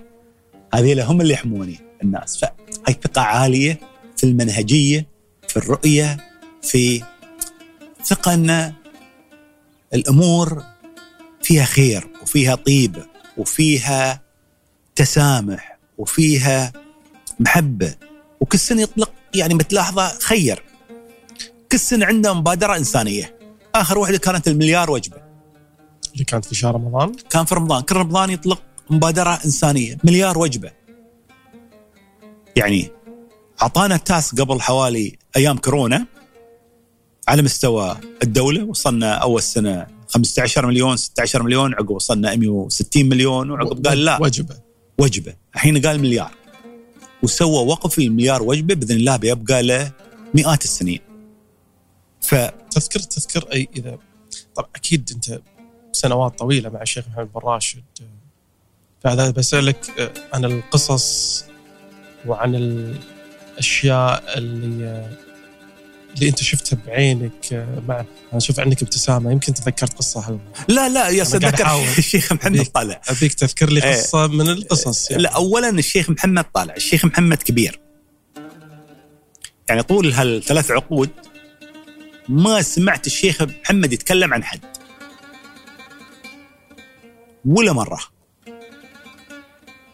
ما عنده الكلام الصغير أو سمول توك مثل ما ما عنده. ف تعلمت هذا. طول ثلاث عقود ما تشد في يوم من الأيام أنا صرت تكلمت عن حد. أوقات أقول المفروض أتكلم لأن أدري في ناس تروح وتتكلم وكذا ويعني تعرفوا يأذونك أوقات. ما تكلمت صرت قلت فلان ولا فلان ولا فلان. لأن تعلمت من أخلاقياته. و... وناصح ويقرأ عيونك. ما يحتاج تتكلم فاهم منك. بعطيك قصة يمكن. قبل سنين من حوالي يمكن يعني من حوالي يمكن 20 سنة ولا هذا صرت له. رحت قلت له طول العمر أبى أطلع. متضايج كنت؟ أبى أطلع من وين؟ من من العمل الحكومي. تعرف أنت توك بادي بالعمل الحكومي صار لك تسع سنوات كذا بعد ما عندك التف سكن هذا. هذا قال كلمه يزعلك هذا ينغزك هذا يعقله يعني تعرف الحساسية كانت عالية عندي أنا. سكت عني. هذا الدرس تعلمته يعني بصورة كبيرة. بس انت رحت له وقلت له خلاص أنا بطلع. قلت له يعني طول العمر أبى أطلع فطلبني مرة ثانية في المرموم أذكر. ركب سيارته قال اركب. ال G مرسيدس G البيضاء. مشى. قال لي محمد تعال. ليش تبغى تطلع؟ طول العمر متضايق فلان قال فلان قال يعني نفسيا الواحد يعني ما يبغى يدخل هالمعمعه يعني في النهاية وهذا ينتقد وهذا ما بعيب منه وهذا. قال لي محمد كل ما تشتغل زيادة كل ما بيتكلمون زيادة. قال حتى إذا صرت بيتكم ويلست ما تشتغل؟ بيقولون هذا كسلان وفي وفي وفي كسلان تراكم مو شغل قال لازم تحمل قال يعني بما معناه يقول لي يقول لي محمد بن راشد هو. أنا محمد بن راشد. ما تعتقد حد ياس ينتقد فكري ورؤيتي وما بعيبنها ايامها نتكلم تعرف ايامها فقاعة وين سايرين شو يسوون؟ الشيخ محمد آه، بهذه الأشياء اللي يفكر فيها آه، مستحيل. حلم. مستحيل السياحة مستحيل النخله هكي غرقت برج العرب ما أدري شو السوابة. فكان الكلام كثير. انتقاد ضمني. فأعطاني درس. من يومها خلاص. رجعنا بالسيارة. لفه كنا في البر. نزلت ويمكن أكبر درس. طبيعة ال- العمل وكل ما تشتغل طبيعي. هذا ينتقدك آه، يا عمار هذا ما بيحبك. هذا مثل ما قلت لك يعني ليش هذا؟ موجود في محيط الشيوخ آه، فلان آه، يعني طبيعة النفس البشرية. لازم تتعامل أنت في الحياة ها- هاي كإنسان وفي نفس بشرية موجودة. في في يوم سيء مر عليك في العمل أكيد في أيام سيئة مرت عليك في العمل الحكومي بس أسوأ يوم. خلاص انت هني وصلت قلت بس. لا ما في ما في أيام بمعنى سيئة في أيام كانت تعب متعبة يعني كانت أيام يعني يمكن اشتغلنا فيها من الصبح لين في الليل سنين سنين. الناس أوقات تشوفك انت كمسؤول تشوف الخارج تشوف الشكل تشوف الجريدة تشوف التلفزيون. ما تدري بك إنك تشتغل عند الشيخ محمد اللي يبى كل شيء ينجح وكل شيء يباه ناجح 100% ففي أيام كانت صعبة من ناحية الجهد. الجهد يعني تطلع الصبح ترد بيتك المساء. الحين تقريبا ثلاث عقود أنا ما أرجع البيت الظهر. من الصبح للمساء ثلاث عقود. إلا أيام الإجازات أتغدى يا عيالي. الأيام الثانية لا. الناس ما تدري بك تشوفك تشوف الشكل الخارجي. ما تحس أوقات بالتعب ولكن مثل ما قلت لك أوقات أنت لا تفكر في نفسك. فكر في بلادك. فكر في شيوخك. الجيد يمكن نحن عند الشيخ محمد في حدود ثلاث عقود 30 سنة واقل هو ولكن هاي هاي السنوات عن 300 سنة. 300 سنة من الخبرة 300 سنة من العطاء 300 سنة من العمل من البناء 300 سنة. آه ونخلق نموذج. شيخ محمد خلق نموذج. هاي المنطقة اللي حارة بيئتها طاردة بح- بحرها حار في الصيف مرقة يعني. رطوبة غبار حولها إلى واحة. حولها إلى واحة وتجربة أن إنسان المنطقة. هاي أهمية الشيخ محمد أن إنسان المنطقة ممكن يكون إنسان ناجح جدا ويستعيد حضارته. ممكن يوصل للفضاء ممكن يكون رائد فضاء ممكن يدير برامج لحزام الكويكبات مسابير لحزام الكويكبات يصنع اقمار صناعيه، نحن نسمع من الخمسينات والستينات في العالم العربي إن بنطرش اقمار صناعيه، صناعة عربية للفضاء، ما في شيء. من وادي العمردي يصنعون الشباب اقمار صناعيه 100% من شبابنا. في برامج كثيرة فرفع الشيخ محمد السقف على المنطقة ككل. على المنطقة ككل. اهميته أهمية الشيخ محمد التاريخية انه أعاد ثقة الإنسان في المنطقة بنفسه. أنه ممكن يكون اقتصادنا عالمي. ممكن تكون خطوط طيران طيراننا منظمة ودقيقة ومحترفة. فرفع الصخب بصورة كبيرة ولكن ما على المنطقة على العالم أيضا. وهني هذا سؤال يعني لم- لما يرفع السقف هذا على مستوى منطقة وعلى مستوى العالم إحنا يمكن إذا نستحضر كلمة كنت دائما تستخدمها أبو سعيد طوال الحلقات مسألة التنافسية والتنافسية والتنافسية. وإذا في تنافس انت راح تبدع أكثر راح تتطور أكثر وراح تنجز أكثر وراح تبدع أكثر. اذا انت already انت اللي رافع السقف. يعني انت اللي قاعد تحط standard جديد وقاعد ترفع السقف. أنتم قاعد تنافسون راح تنافسون دبي والحكومة في الإمارات. راح تنافسون منو؟ آه ننافس العالم. يعني اليوم في قطاعات نحن جيدين فيها. في قطاعات لا تحتاج تطوير. يعني ما تبى تتحول إلى المعصوميه والنرجسيه أيضا أخ عمار. لا ما زلنا نحن لا تونا بادين. ما زلنا في المرحلة الأولى كملنا خمسين سنة كدولة دولة وليدة. خمسين سنة في عمر الدول لا شيء يعتبر. عندنا خمسين سنة جاية في الخمسين سنة وأنت الماضية إذا أنت بال 50 سنة وصلت المريخ ال 50 سنة الثانية وين وين وين بتروح؟ بنروح أماكن مع التطور اللي صار ما حد وصلها بإذن الله. بيكون الإنسان الإماراتي نموذج. بتكون مدننا أجمل مدن في العالم وأفضل مدن في جودة الحياة. نبغى نخلق بعد إنساني لعملنا الحكومي والعمل السياسي في دولة الإمارات. عندنا مهمة كأبناء لهذا الوطن مهمتنا داخلية. نحافظ على المكتسبات ونطورها جدا في أجيال بتي عقبنا بتكون بإذن الله أفضل عنا لأنهم أفضل عنا في التعليم الآن. فالمرحلة القادمة بتكون مرحلة لدولة الإمارات فيها قفزات نوعية. في في في في رؤية في vision في شيء في vision الراجعة في vision 2071 نكون أفضل دولة في العالم. تعاد دراسة الرؤية هاي كل عشر سنوات سنويا نجتمع كحكومة نراجع الاستراتيجيات كلها. عندنا عقب كم من يوم الاجتماعات السنوية لحكومة الإمارات نجتمع كحكومه اتحادية مع كل الحكومات المحلية نراجع بعض الأمور. ندقق على بعض الأمور. مرونة يعني ما في استراتيجية كلها بتحقق عقب عشر سنوات لا.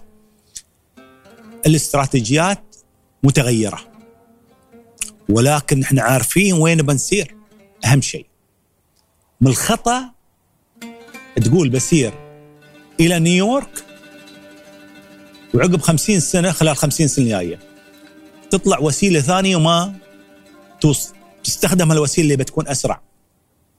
فعندنا المرونه العالية في دولة الإمارات على التغيير على نطالع الأنظمة الجديدة لأن المتغيرات اللي بتي سريعة.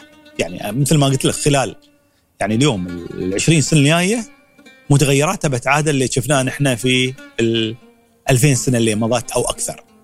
على طاري المتغيرات واحدة من الأمور اللي اللي لما تقرأ الأخبار عن عن الإمارات أه تحديدا في استحداثكم للمناصب الوزارية وزير سعادة، وزير تسامح، وزير ذكاء اصطناعي ليش هالمسميات. وشنو أهمية إنه يكون عندي أنا وزارات متخصصة ذكاء ليش ذكاء اصطناعي؟ آه 2023 ليش عندي وزارة للذكاء الاصطناعي؟ يعني تم إعلان وزير الذكاء الاصطناعي ما ب 2023 في 2017 2017 2017 تم إعلان عن أول وزير في العالم في الذكاء الاصطناعي الناس نفس النمطية. آه شو ذكاء اصطناعي شو بيستوي؟ يعني الإمارات معقولة؟ كذا. اليوم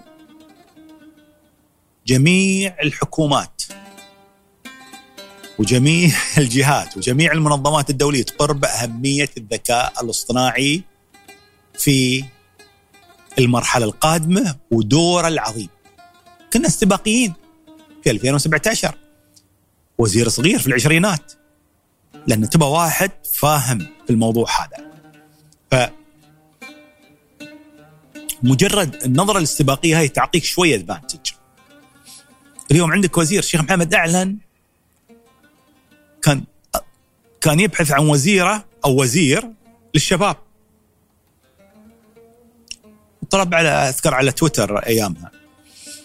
قدموا كثيرين والآن طالب بعد نفس الشيء قدموا تقريبا 10000 وزير للشباب. المرشحين 10000 هذه على هالجزئية هذه دام, دام ذكرتها أبو سعيد يعني بصراحه يعني لما يعني البعض يقول بتكلم معاك بصراحة البعض يقول أوكي إحنا نزل هذا الإعلان وإحنا فاتحين ما حد سواها قبل يعني هو العادة يصير إعلان عن نبي نعين مدير نبي نعين عندنا شاغر في وظيفة بس عندنا شاغر وزارة آه، ونبي نعين آه، فاللي اللي عنده الكواليفيكيشن خلي قد الموضوع إحنا خالصين. حاطين عيننا على على على عمار أو على محمد أو على سين وصاد وخالصين من الموضوع. بس إحنا بن بنخرجها اعلاميا إن ترى المجال بس ترى إحنا متفقين وخالصين يعني فلا تضيعون وقتكم يعني. تباني أحلف؟ ممكن أحلف لك؟ لا لا لا العظيم. زين شمة ما كنا نعرفه بقول لك الأمور مثل ما هي. اليوم أعلن الشيخ محمد من حوالي ثمان سنوات عن وزير أو وزيرة للشباب. بغى اولا حد يمثل الشباب. لأن في العالم العربي وزراء الشباب 70 أو 60 سنة ما بشاب. وما يقدر يمثل صوت الشباب. كان التحدي تعال تبغى واحد شخص ناضج شخص متعلم شخص ذكي وشخص فاهم. فالعملية كانت بسيطة يعني خاطبنا جميع الجامعات يا جماعة أعطونا الطلبة اللي في السنة الرابعة أو في الماجستير. وأعطونا الطلبة اللي خلصوا من سنة وسنتين. فيتنا مجموعة من السير الذاتية. وتم مقابلتهم شخصيا. في فرز. وكانت شمة الأفضل.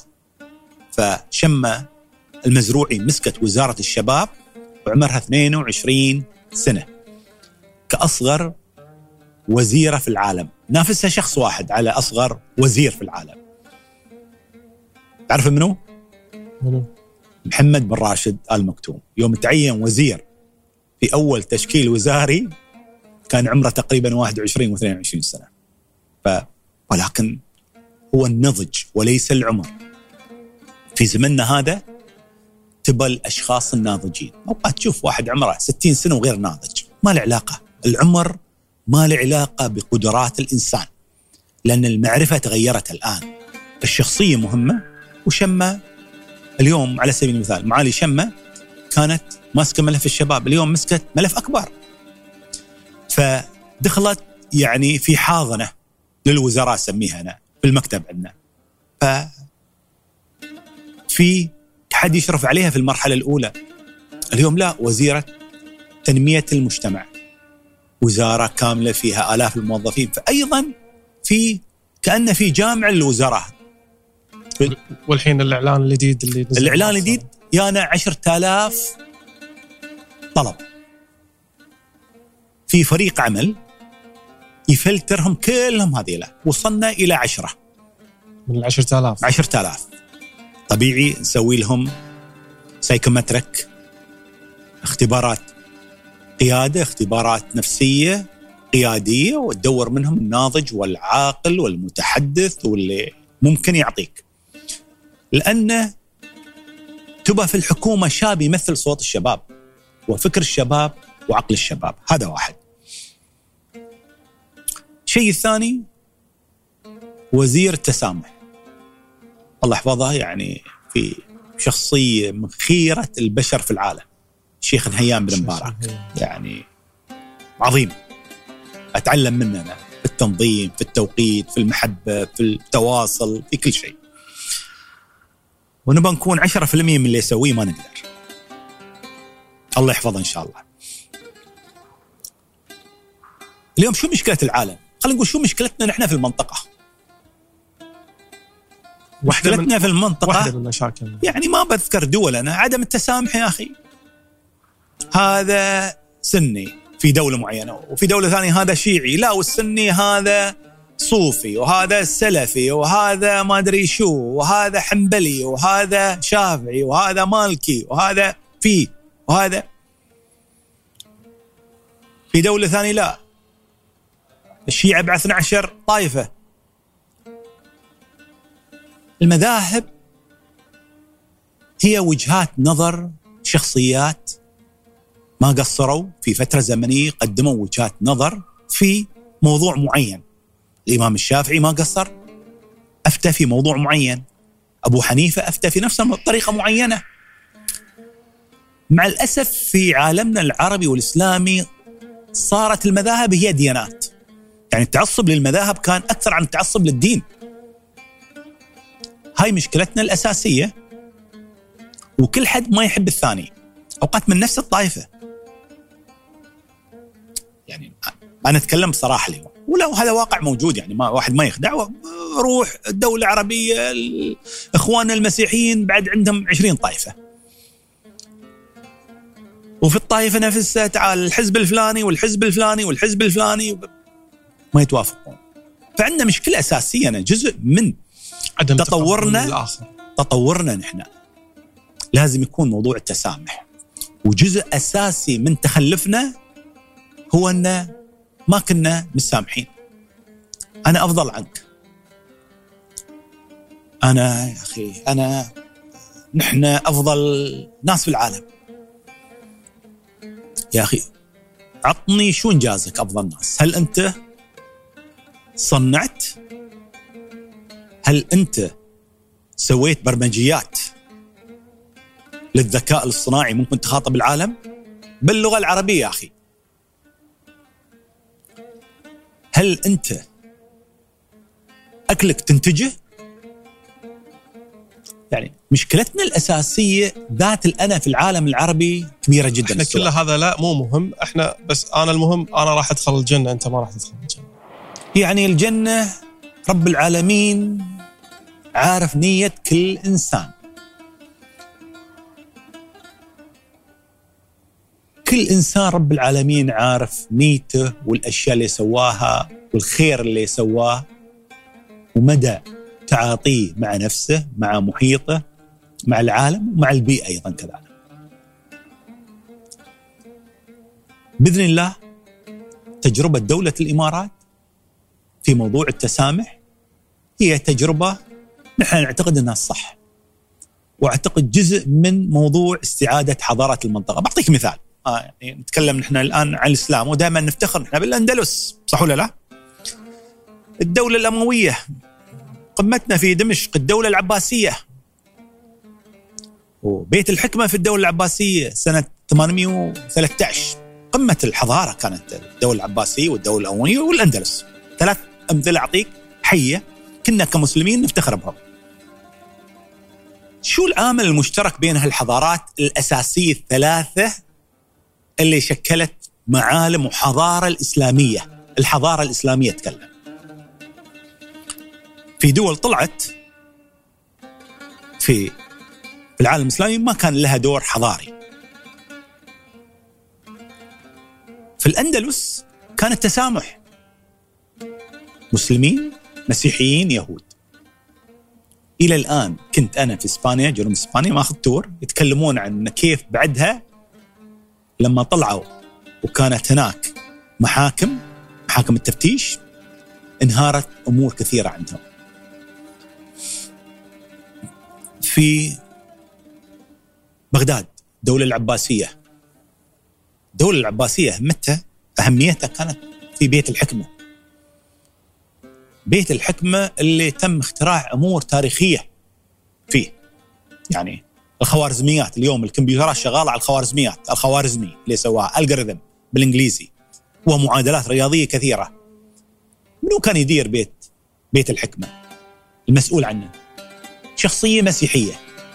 قالوا هذا مسلم؟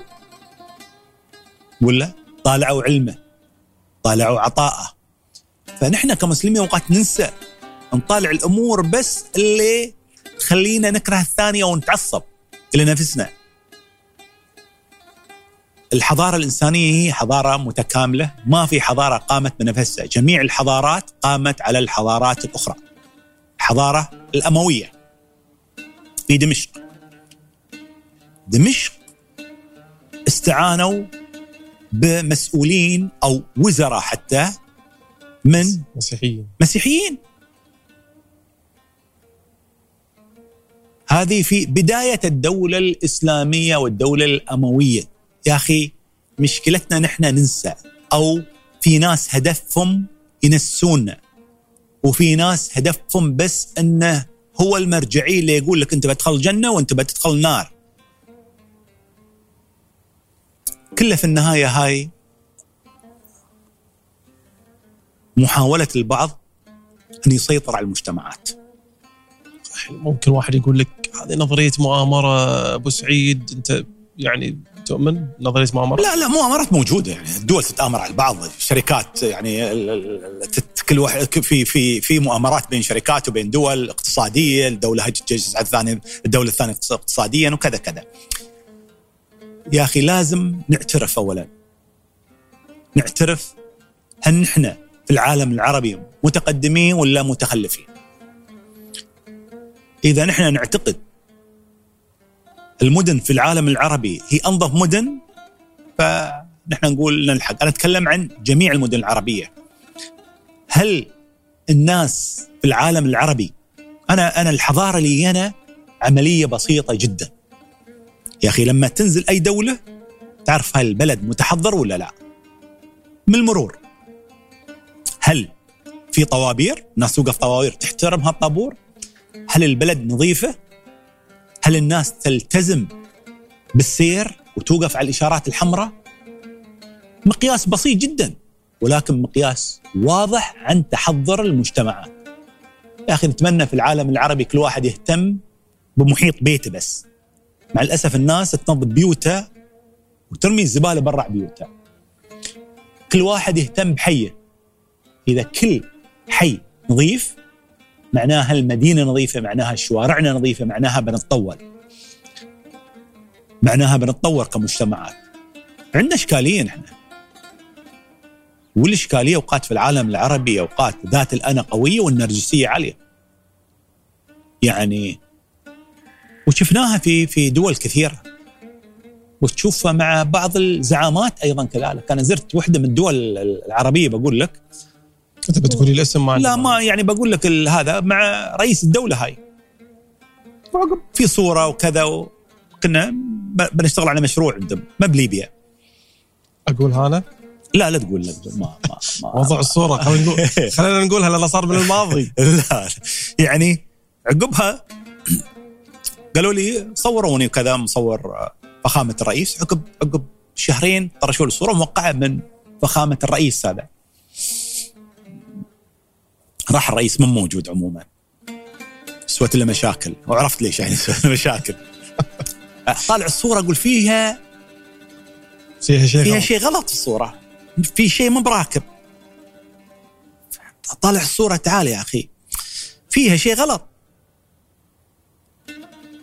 أنا طولي تقريبا 188 187 أدري هذاك الرئيس اقصر عني بوايد. مقصريني مخليني طوله شوي أقصر عنه.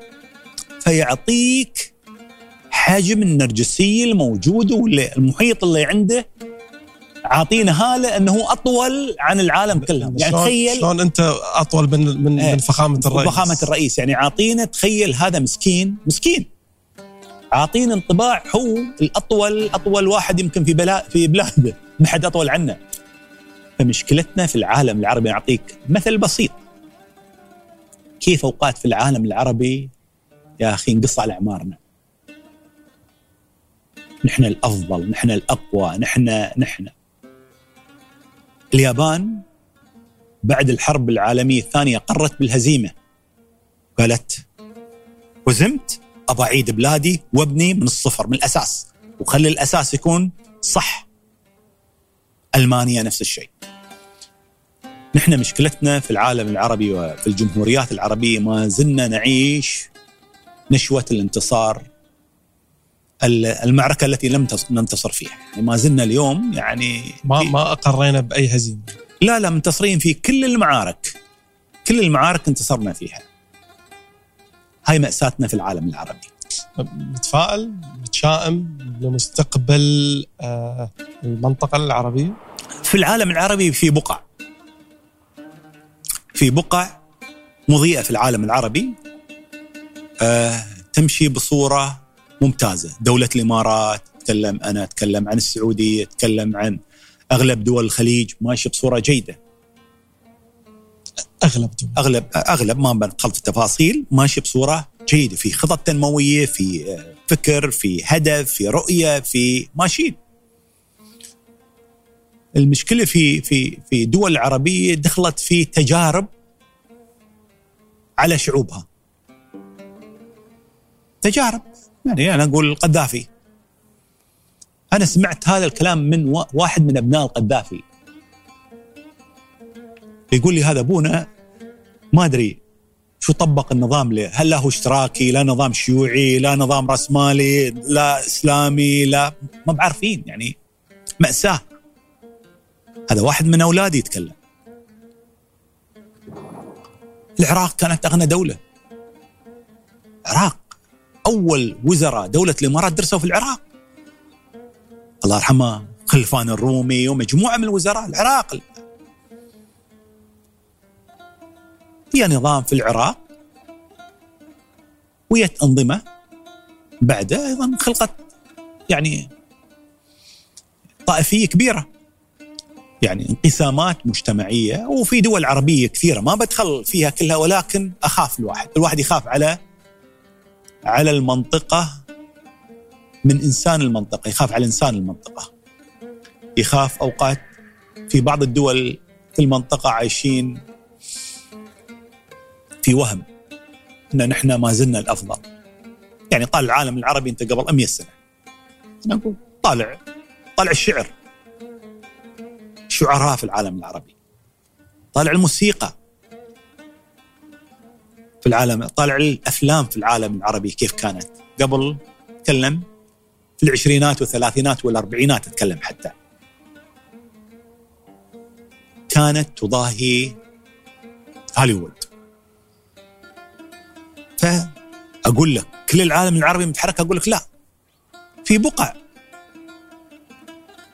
يعني اليوم المغرب ماشيين بصورة جيدة. طالع تروح المغرب في بنية تحتية. دولة مبغنية مملكة مبغنية ولكن في حكمة موجودة. وفي رقي موجود. وفي صناعة موجودة. وفي سياحة أيضا مقوماتها. ف هناك بقع في العالم العربي يعني لازم نفهم العالم العربي اقتصاديا وتنمويا ما واحد. قد أوقات نتهم في الخليج إن عندنا بترول. صح ولا لا؟ يا أخي الدول الثانية فيها بترول. وبترولها أكثر عنا أوقات. أكثر عنا. بكثير. وعندهم غاز.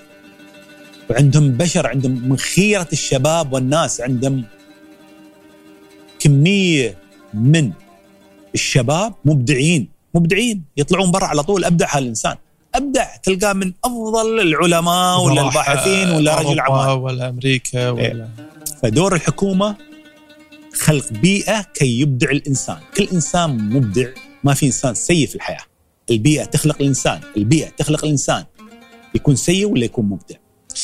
واحدة من ال من من ال يعني تتابع مثلا ال social media على سبيل المثال أو في بعض الأحيان بعض المناكفات قد تكون آه، الإعلامية بصراحة معالي الوزير آه، اللي مثلا تقال عن الإمارات يعني إن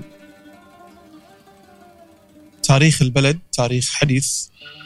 إحنا عندنا تاريخ عندنا حضارة عندنا مساجد قديمة عندنا ما عندنا بس في النهاية هنا قاعد نتكلم عن دولة عمرها خمسين سنة. هذا يشكل آه، حاجز يشكل مشكلة يشكل عقدة إن إي إحنا ما عندنا تاريخ لكن إحنا عندنا واحد اثنين ثلاث. تسمع أكيد مثل هال طبيعي أسمع. اولا مسمى دولة الإمارات مسمى حديث. مسمى حديث 71 أما هذه الأرض فعمرها آلاف السنين. والحضارات اللي فيها حضارات قديمة سواء بالقرب من المنطقة اللي نحن فيها في منطقة جميرة في كانت فيها مدينة تجارية إلى ساروق الحديد اللي في منطقة المرموم اللي أكلمك عنها ممكن أوديك إياها عمرها يمكن 4000 سنة.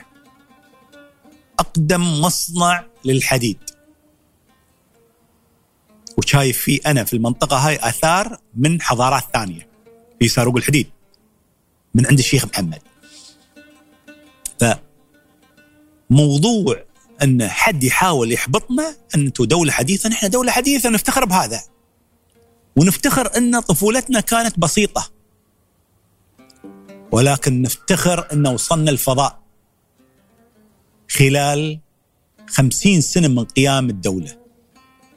ولكن التاريخ قديم.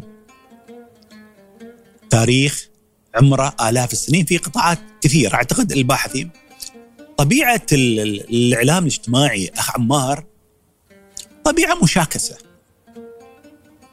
هل أنت تخلي الإعلام الاجتماعي يديرك؟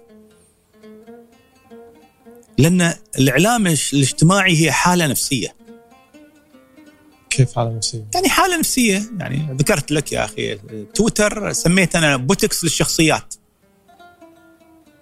في حد يعدل وجهه وحدة تعدل وجهها تجمل وجهها بال filler botox تويتر وإكس. بوتكس للشخصية.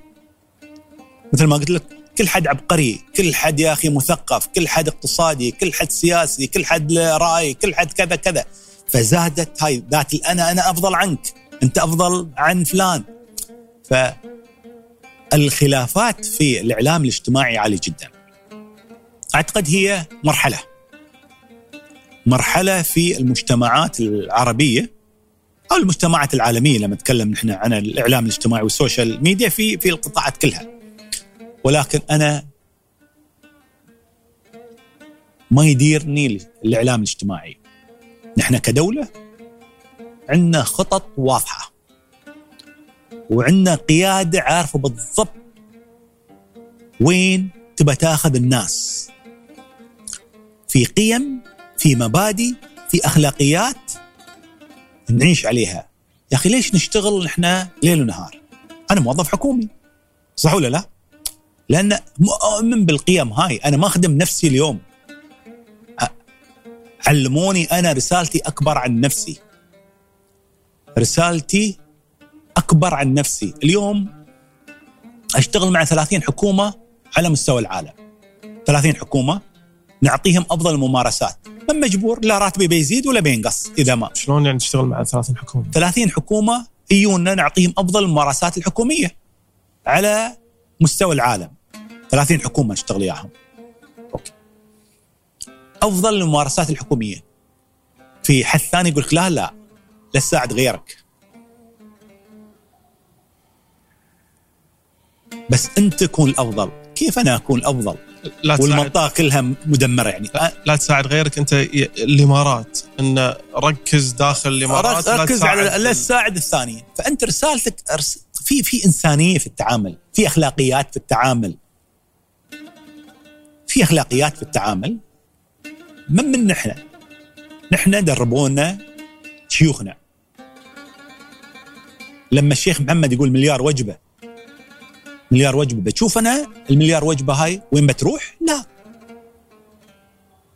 ولكن في أخلاقيات أنت كإنسان الله بيحكم عليك شو سويت؟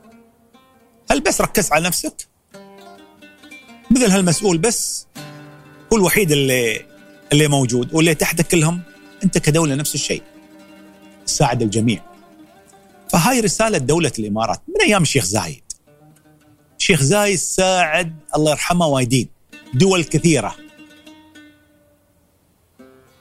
ويسألونه ليش تساعد الله بيرزقني.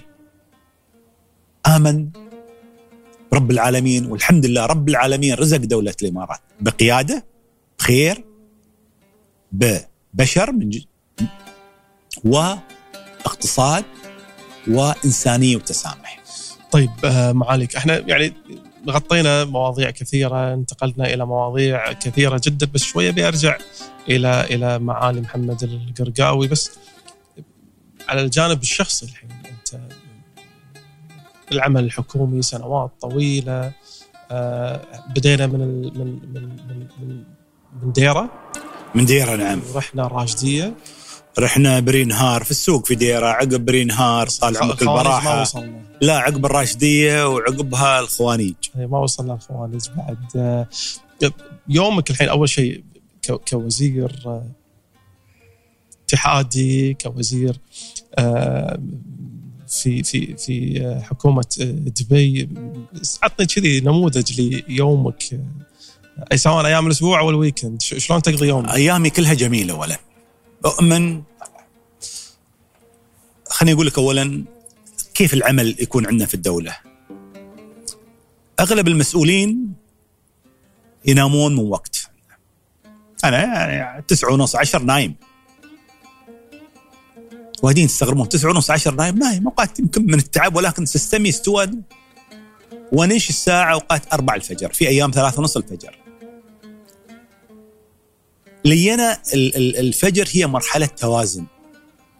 نفسي وروحي للإنسان أقرأ الفجر أتم مع نفسي أوازن هذا الإنسان دائما أول فجر. في الشتاء تلقاني أقوم أجلس برا عندنا ليوان في الخوانيج ساكن المزرعة يعني ف واستمتع بالخلوة مع نفسي. يعني. على فكرة أطلع أوقات أنا كل كم شهر أسافر بس بروحي.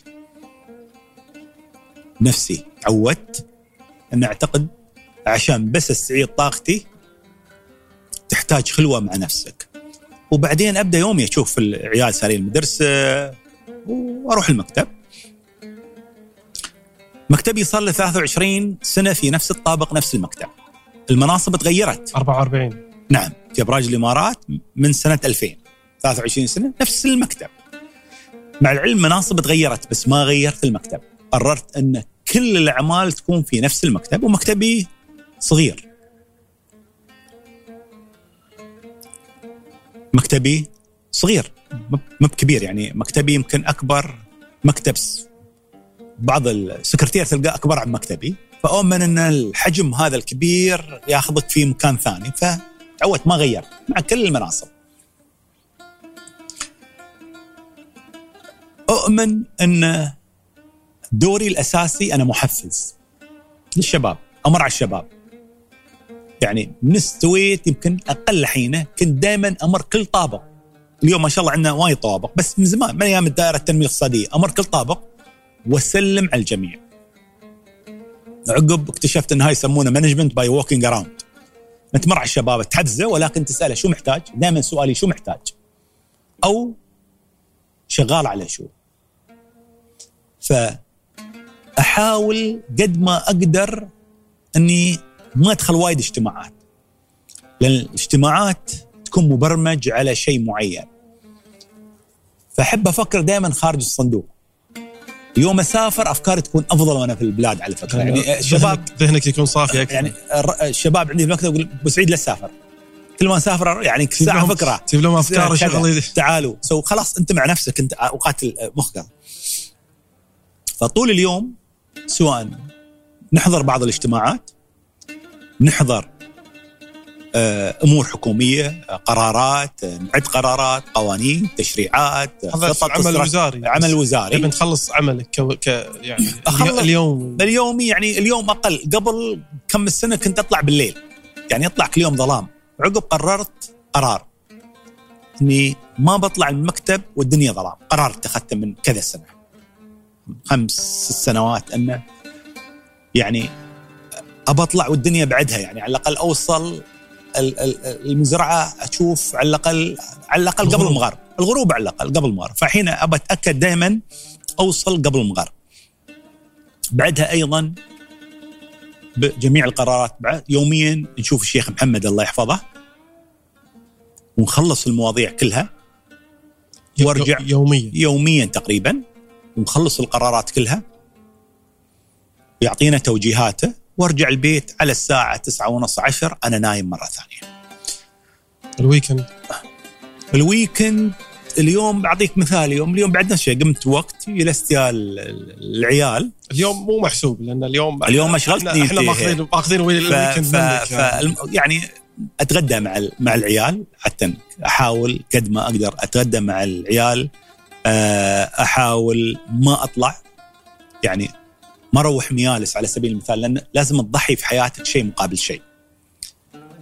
ما أروح ميالس عندنا إحنا ميالس وايد ما أروح لأن خلاص يعني أنت في النهاية لازم تضحي بشيء معين لشيء. فأولويات في الحياة أولوياتي اولا يعني آه، طبيعي شيخ محمد والعائلة. الاولويه الأولى زملائي في الشغل آه اللي اللي نحن عائله واحدة يعني أنا ما أعتقد يعني ما داني ما اخليه حد يقول لي معاليك مثلا. ممنوع. أبو سعيد. لأن موظف جديد ولا موظف قديم؟ لأن كلمة معاليك هي تأخذك مكان ثاني. تبقى دائما هالمسمى مسمى رسمي ما بشخصي مع زملائك في العمل. فنحن في العمل عائلة واحدة بيت. حتى تصميم المكاتب لأن أدري نقضي ساعات طويلة. التصميم كله تصميم تحصله بيتوتي. يعني ما مكاتب ودائما في غرفة طعام وفي جلسه أكل كأن الواحد في بيته. لأن نيلس فترات طويلة طول هالسنوات يعني من 30 سنة. ولكن تعاملي مع الشباب اللي عندي في الشغل كأب كأخ كبير. و... والوفاء بيننا عالي. يعني دائما الواحد هذيلا هم فريق العمل اللي دائما أنت تساعدهم. أحاول أحقق أحلامهم. يعني يمكن الميزة الرئيسية اللي اللي اللي في أقول أنا أطالع الموهوبين. دائما سؤال واحد أسأل أي واحد أقابل من الشباب. حتى في المقابلات أو اساله خبرني شو حلمك. إذا عرفت حلمه وأنا الله مخليني في المنصب أحاول أحقق حلم اللي بيخدم البلد هذا الإنسان بيطلع ناجح وبيعطي. لهذا البيئة مهمة جدا فأحاول دائما أطالع الشاب اللي فيه قدرات فيه نضج فيه عقلانية فاهم عنده إمكانيات أخليه على المكان اللي يناسبه وأعتقد جزء من نجاحي في الفترة في السنوات الماضية العلاقة هاي. ثانيا إنسانية المسؤول. يعني إنسانية المسؤول مهمة جدا. إذا أنت ما فيك هالإنسانية وهالتعاطف مع زملائك ما تصلح تكون مسؤول. مروا عليك ضمن فريق عملك خلال السنوات اللي طافت؟ حسيت في واحد تشوفه من تقرأ عينه مو بمرتاح مو مرتاح بمكانه في شيء شاغله. مو مو مبسوط.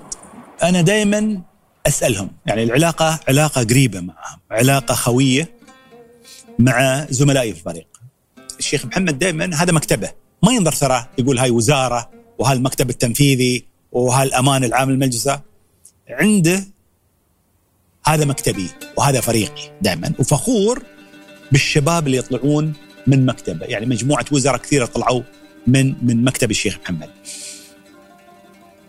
فدوري الأساسي مثل ما ذكرت هو محفز للشباب تكتشف الشباب اعطاهم فرص ولازم تعرف متى تنسحب وتخلي الشخص الثاني اللي ياس الدرب أنت ياخذ مكانك. صعبة لكثيرين ولكن طول حياتي أنا كانت هالممارسة عندي. يعني لازم تهيئ ناس أفضل عنك. ياخذون مكانك في كل عمل حكومي. أفضل عنك أهم شيء. تجيب ناس أضعف عنك. لا تجيب ناس أضعف. أضعف عنك لأن الأغلبية 99.9 من المسؤولين في العالم العربي يبون ناس ضعاف يدري انه ما يصلح هذا تام مكانه. هاي جزء من إشكاليتنا في العالم العربي. تحاول ما بكل الناس مثل ما ذكرت لك سابقا يعني بتكون صح فيهم طبيعة البشر. يعني في ناس يجدون فن التصنع بصورة كبيرة جدا. ممتازين ممثلين ممثلين. في ناس ممثلين صراحة. زين؟ فبتنغش فيهم بتنغش في واحد اثنين ولكن من 100 واحد خمسة ما عليه. بس عندك 95 واحد جيدين يخدمون بلدهم نماذج تفتخر بها ويعطون أشياء وأفكار وعندهم طموح ياخذ الدولة للمرحلة القادمة. علاقتك مع أحفادك شلون؟ آه علاقة اولا عندي ما شاء الله أربع أحفاد. الله يحفظهم. آه ولدين وبنتين محمد ومحمد فاطمة وعاشه. الله يحفظهم. آه زوج صغير فجميل الواحد يكون عنده أحفاد في في هذا شعور شعور مختلف؟ عيالك في النهاية يعني في النهاية عيالك يشبهون أحفادك. يعني يشبهون عيالي؟ في, في فرق يعني؟ لا لا الامانه يشبهون عيالي هم صغار فأنا كأني أنا صغرت حينه 25 سنة. يوم أشوفهم كأني رجعت أنا 25 سنة. فشعور جميل. آه الحمد لله الله بارك لي في في العائلة وفي الإخوان والخوات وفي أصدقائي من الطفولة لين اليوم. كلهم ناس خيرين وطيبين وأفضل عنهم. حد أنت ذكرت انه بين فترة وفترة تسافر لك يوم يومين ثلاث آه، خلوة مع نفسك آه، آه، وساعه قبل التسجيل كنت تقول لي عندك خيل بس ما ما تركب خيل. هواياتك اللي أنت تسويها وتستمتع فيها يعني هاي لك أنت يعني. شنو؟ بقول لك الهواية الأولى بصراحة أحب العمل الحكومي. لا هاي يعني أنا أعتقد هوايتي لا لا بصراحة هاي مو هواية. هذه الهواية ما نبيها. هاي هوايتي. حتى لو كانت زينة يعني. هوايتي أنا أعتقد يعني العمل الحكومي مثل ما يقولون يعني أنا محترف في العمل الحكومي. زين؟ ماشي. هذا واحد. okay هذا الحين هذا واحد. هذا شيء تسويه تستانس إيه. منه بس. الهواية اللي ما تركتني يعني من من آه طفولتي آه إلى الآن قراءة. أقرأ.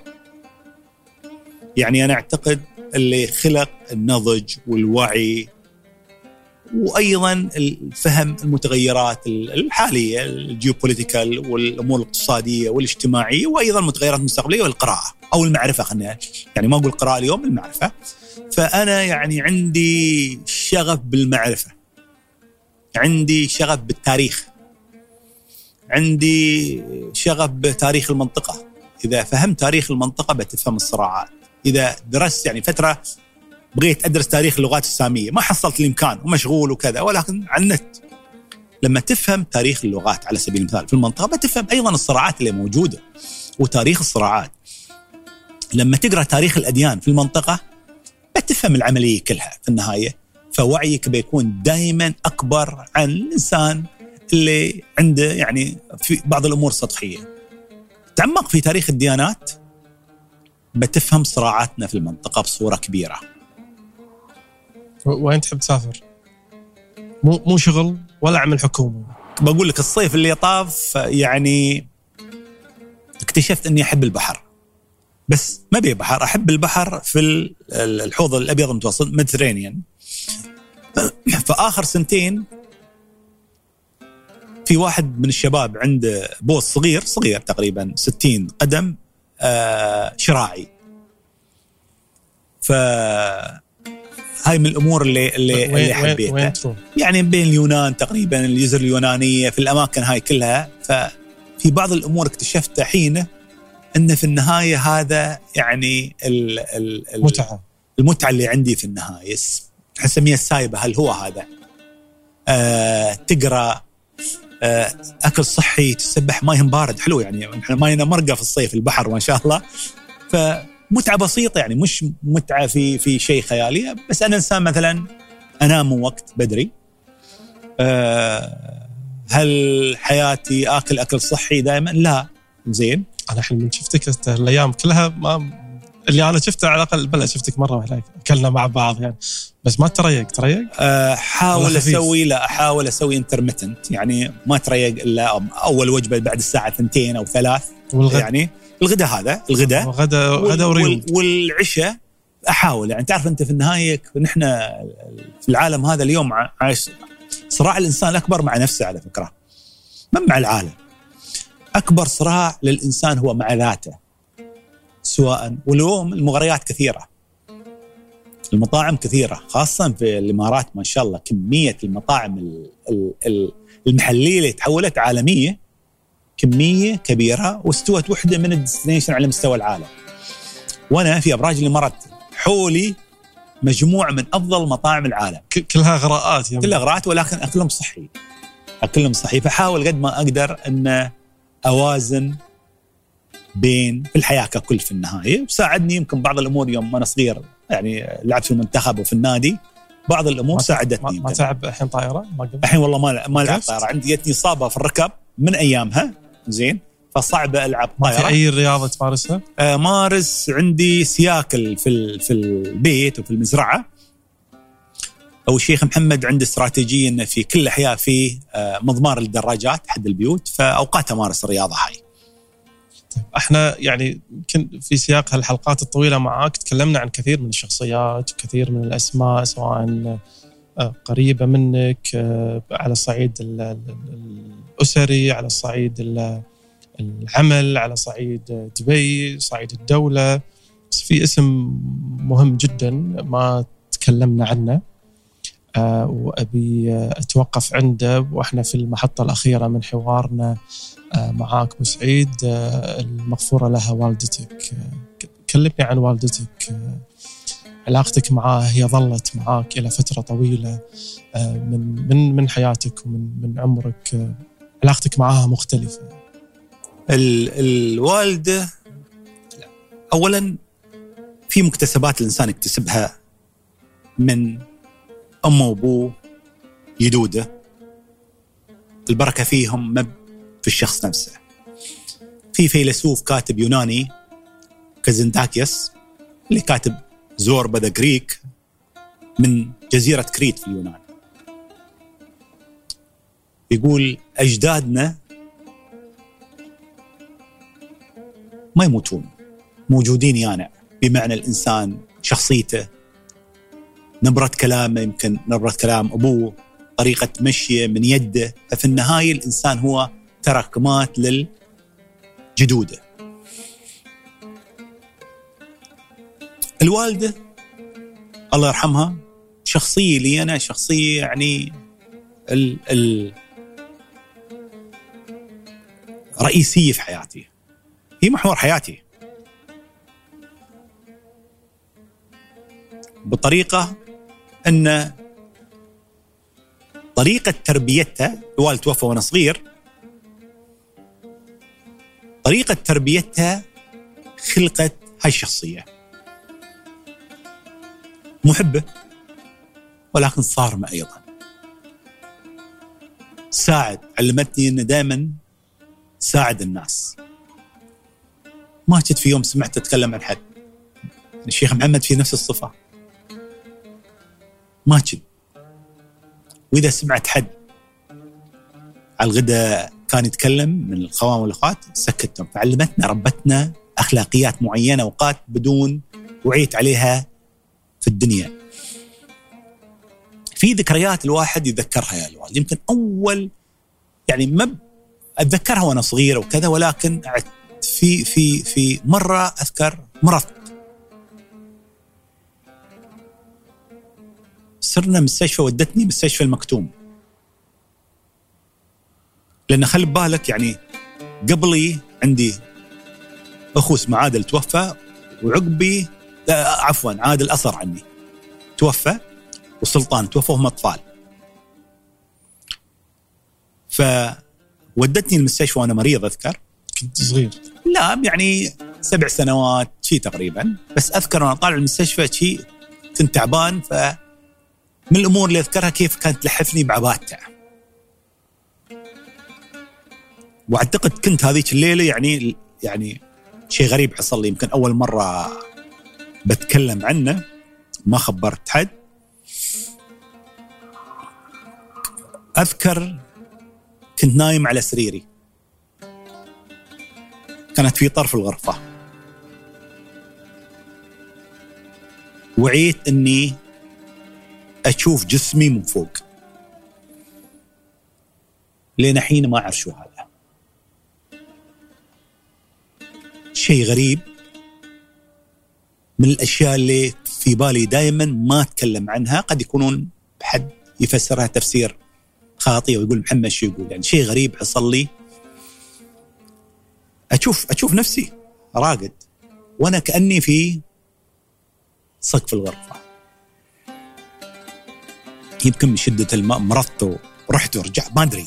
الله أعلم يعني عنها ف الوالدة كانت شخصيتها قوية. ولكن حنانها ما كان حنان دلع. يعني دائما علمنا شيء واحد. الولد تذكره باسمه من طفولته محمد محمد إذا عمره سنة. بحمود ما بهذا البنت دلعها. بس الولد خلى ريال من طفولته. مع الأسف مجتمعاتنا الآن ما بنفس الاسلوب فيعني قبليين. كانت دائما اذكرها تقرض براقع البرقع. تخيط يعني؟ عندها عندها تسوي براقع كانت. يعني متميزة في البراقع. أذكر دائما من من الذكريات اللي عندي ما شاء الله. نسميها انها تقرض البراقع ولكن تسوي براقع كانت. براقع إماراتية يعني عندها. آه كنت فتره في أمريكا ما برجع. يعني في مرحلة في أمريكا كنت أذكر يعني خلاص يعني وصل لمرحله بكمل ماجستير بكمل دكتوراه وكذا اذكر تتصل بي أبوي متى بترجع؟ كان أخوي أحمد أخوي الكبير في البيت إياها بيتحول عنده بيت جديد ولكن تريوني أنا يعني, يعني أربع سنين أنا برع ولكن أخوي أحمد الله يحفظه يبغى يتحول فكل ما أكلمها تقول لي متى بترجع ابويا؟ من الأسباب اللي خلتني أرد هالكلمة. يعني أعتقد الله عوضني في الحياة لأن خليت أمي الأولوية في حياتي، كانت هي رقم واحد. كل حد عنده رقم واحد، أنا لي أنا أمي.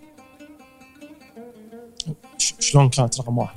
رقم واحد في النهاية هي هي محور حياتي كانت. يعني في النهاية النهاية مشغول وزير وعندك ارتباطات ومشاريع الدنيا لو أكون هي عندها ولا لا هذا لا وزير ولا حزب يعني لين آخر لحظة سؤالها الرئيسي. تعاملك كطفل صليت ولا لا؟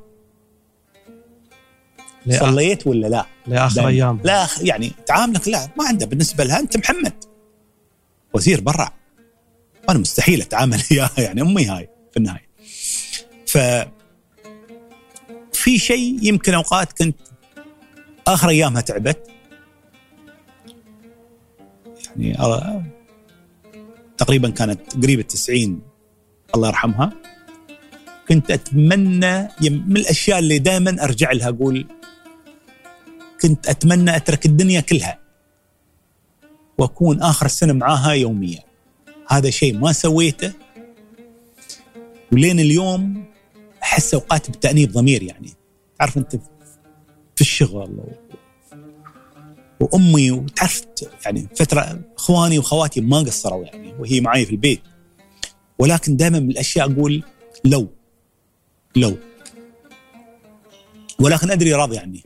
يعني لأن طول يعني كانت هي محور عملي ومحور أخلاقياتي في العمل وفي التعامل.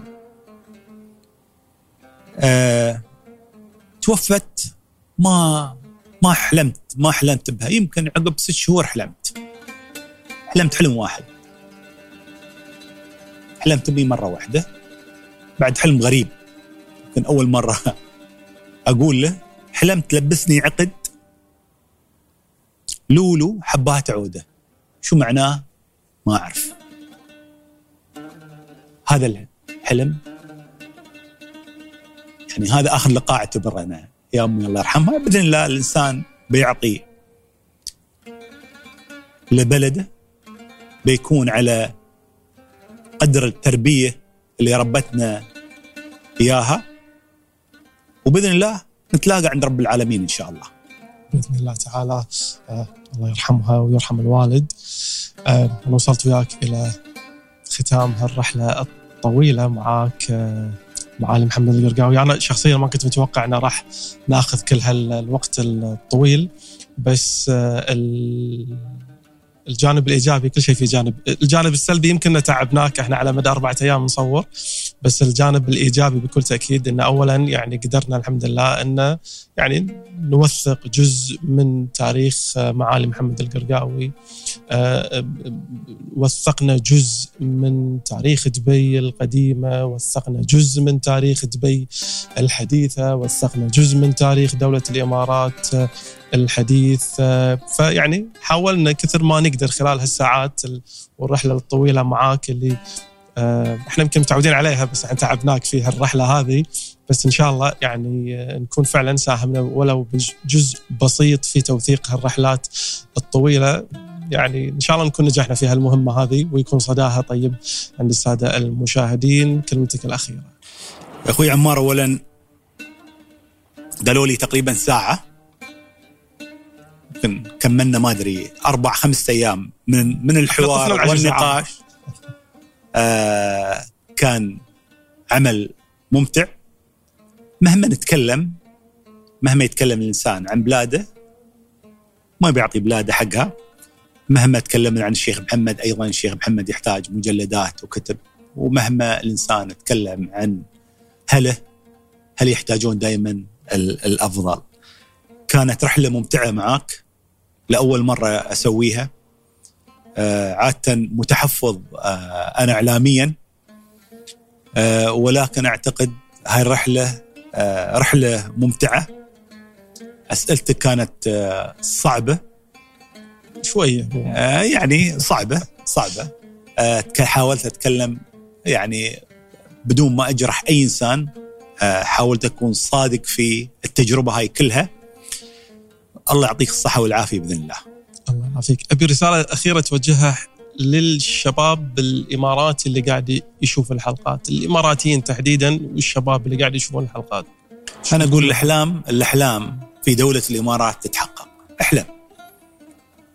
ولكن تحلى بالأخلاق الإماراتية وجدة العمل الإماراتية. وفكر بأمور كبيرة جدا لمجتمعك في النهاية دولة الإمارات تبني نموذج في منطقة محتاجة لنماذج ناجحة. معالي محمد القرقاوي كل الشكر لك. شكرا أخوي عمار، شكرا شكرا.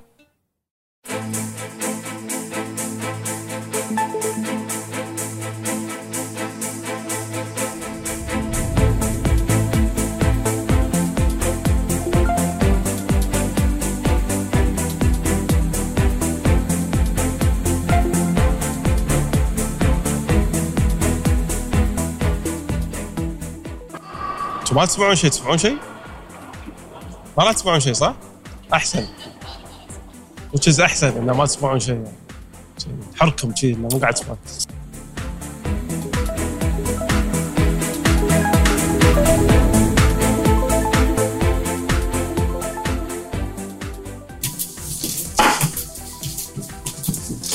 شباب كيف الحال؟ حياك الله. السلام عليكم. كيف الحال؟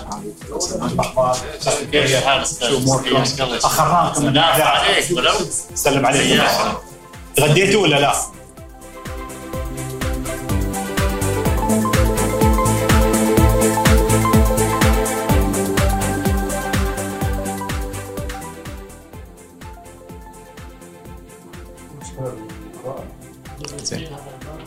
أوكي.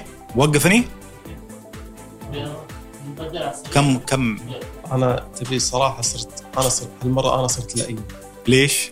لأن أنا اتفقت معاك اتفاق وأخليت باتفاق. شو الاتفاق؟ اتفاقي معاك إنه ساعة ونص ما أدري كم الحين ساعة ونص. وناخذ وناخذ بريك أو أنت موجود. الحمد لله على السلامة. والساعة شغالة آه شغالة عندك. فأنا ما أدري. الوقت. لا لا الساعة كم الحين؟ فيعني أعترف إنه بلؤم بس لؤم حميد مو لا لا أنا والله توقعت لو ساعة كاملة زيادة أنا توقعت ساعة وربع شي تقريبا. لا لا ساعتين ونص بالضبط. آه، غيرتوه كانت طاولة تنس زي قبل. أنا هي لعبت تنس. إيه. تحتاج آه، رقص قدامك لا.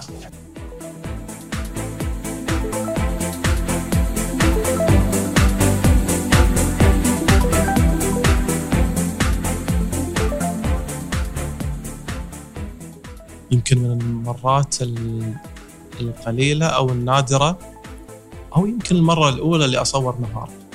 عادة قلت حق فاطمة. إي أنا أصور. يعني ما أو يعني أول مرة أصور كذي الشمس. يعني أنا كلها. عاد يمكن بسبب الضيوف. الضيوف اللي عندك أغلبهم آه، مسائيين كلها مسائيين مسائي اذا اوبريت في ناس تشتغل الصبح وفي ناس تشتغل المساء. هاي عادة المكان هذا it's more chill out place يعني. نجتمع نلعب تنس نسولف عندنا بعض الأفكار الجديدة. في الطابق 52 نسميه. مع العلم ما في طابق 52 ها، زين. أنا أنا مسمينه طابق. هو المبنى كله 51 ولكن this is extension بسيط لل- للطابق.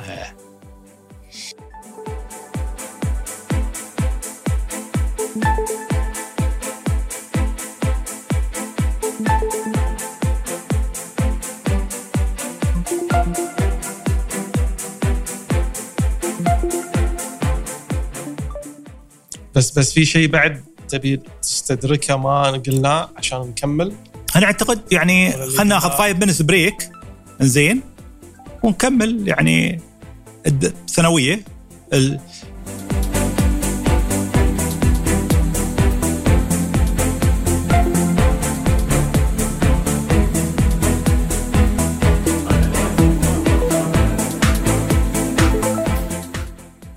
الأمور طيبة الحمد لله. زين. أنا مستمتع أنا تصفق ب- ب- ب- ب- من قلبها تصفق ما ادري هل هي سع- مشكورين. سعيده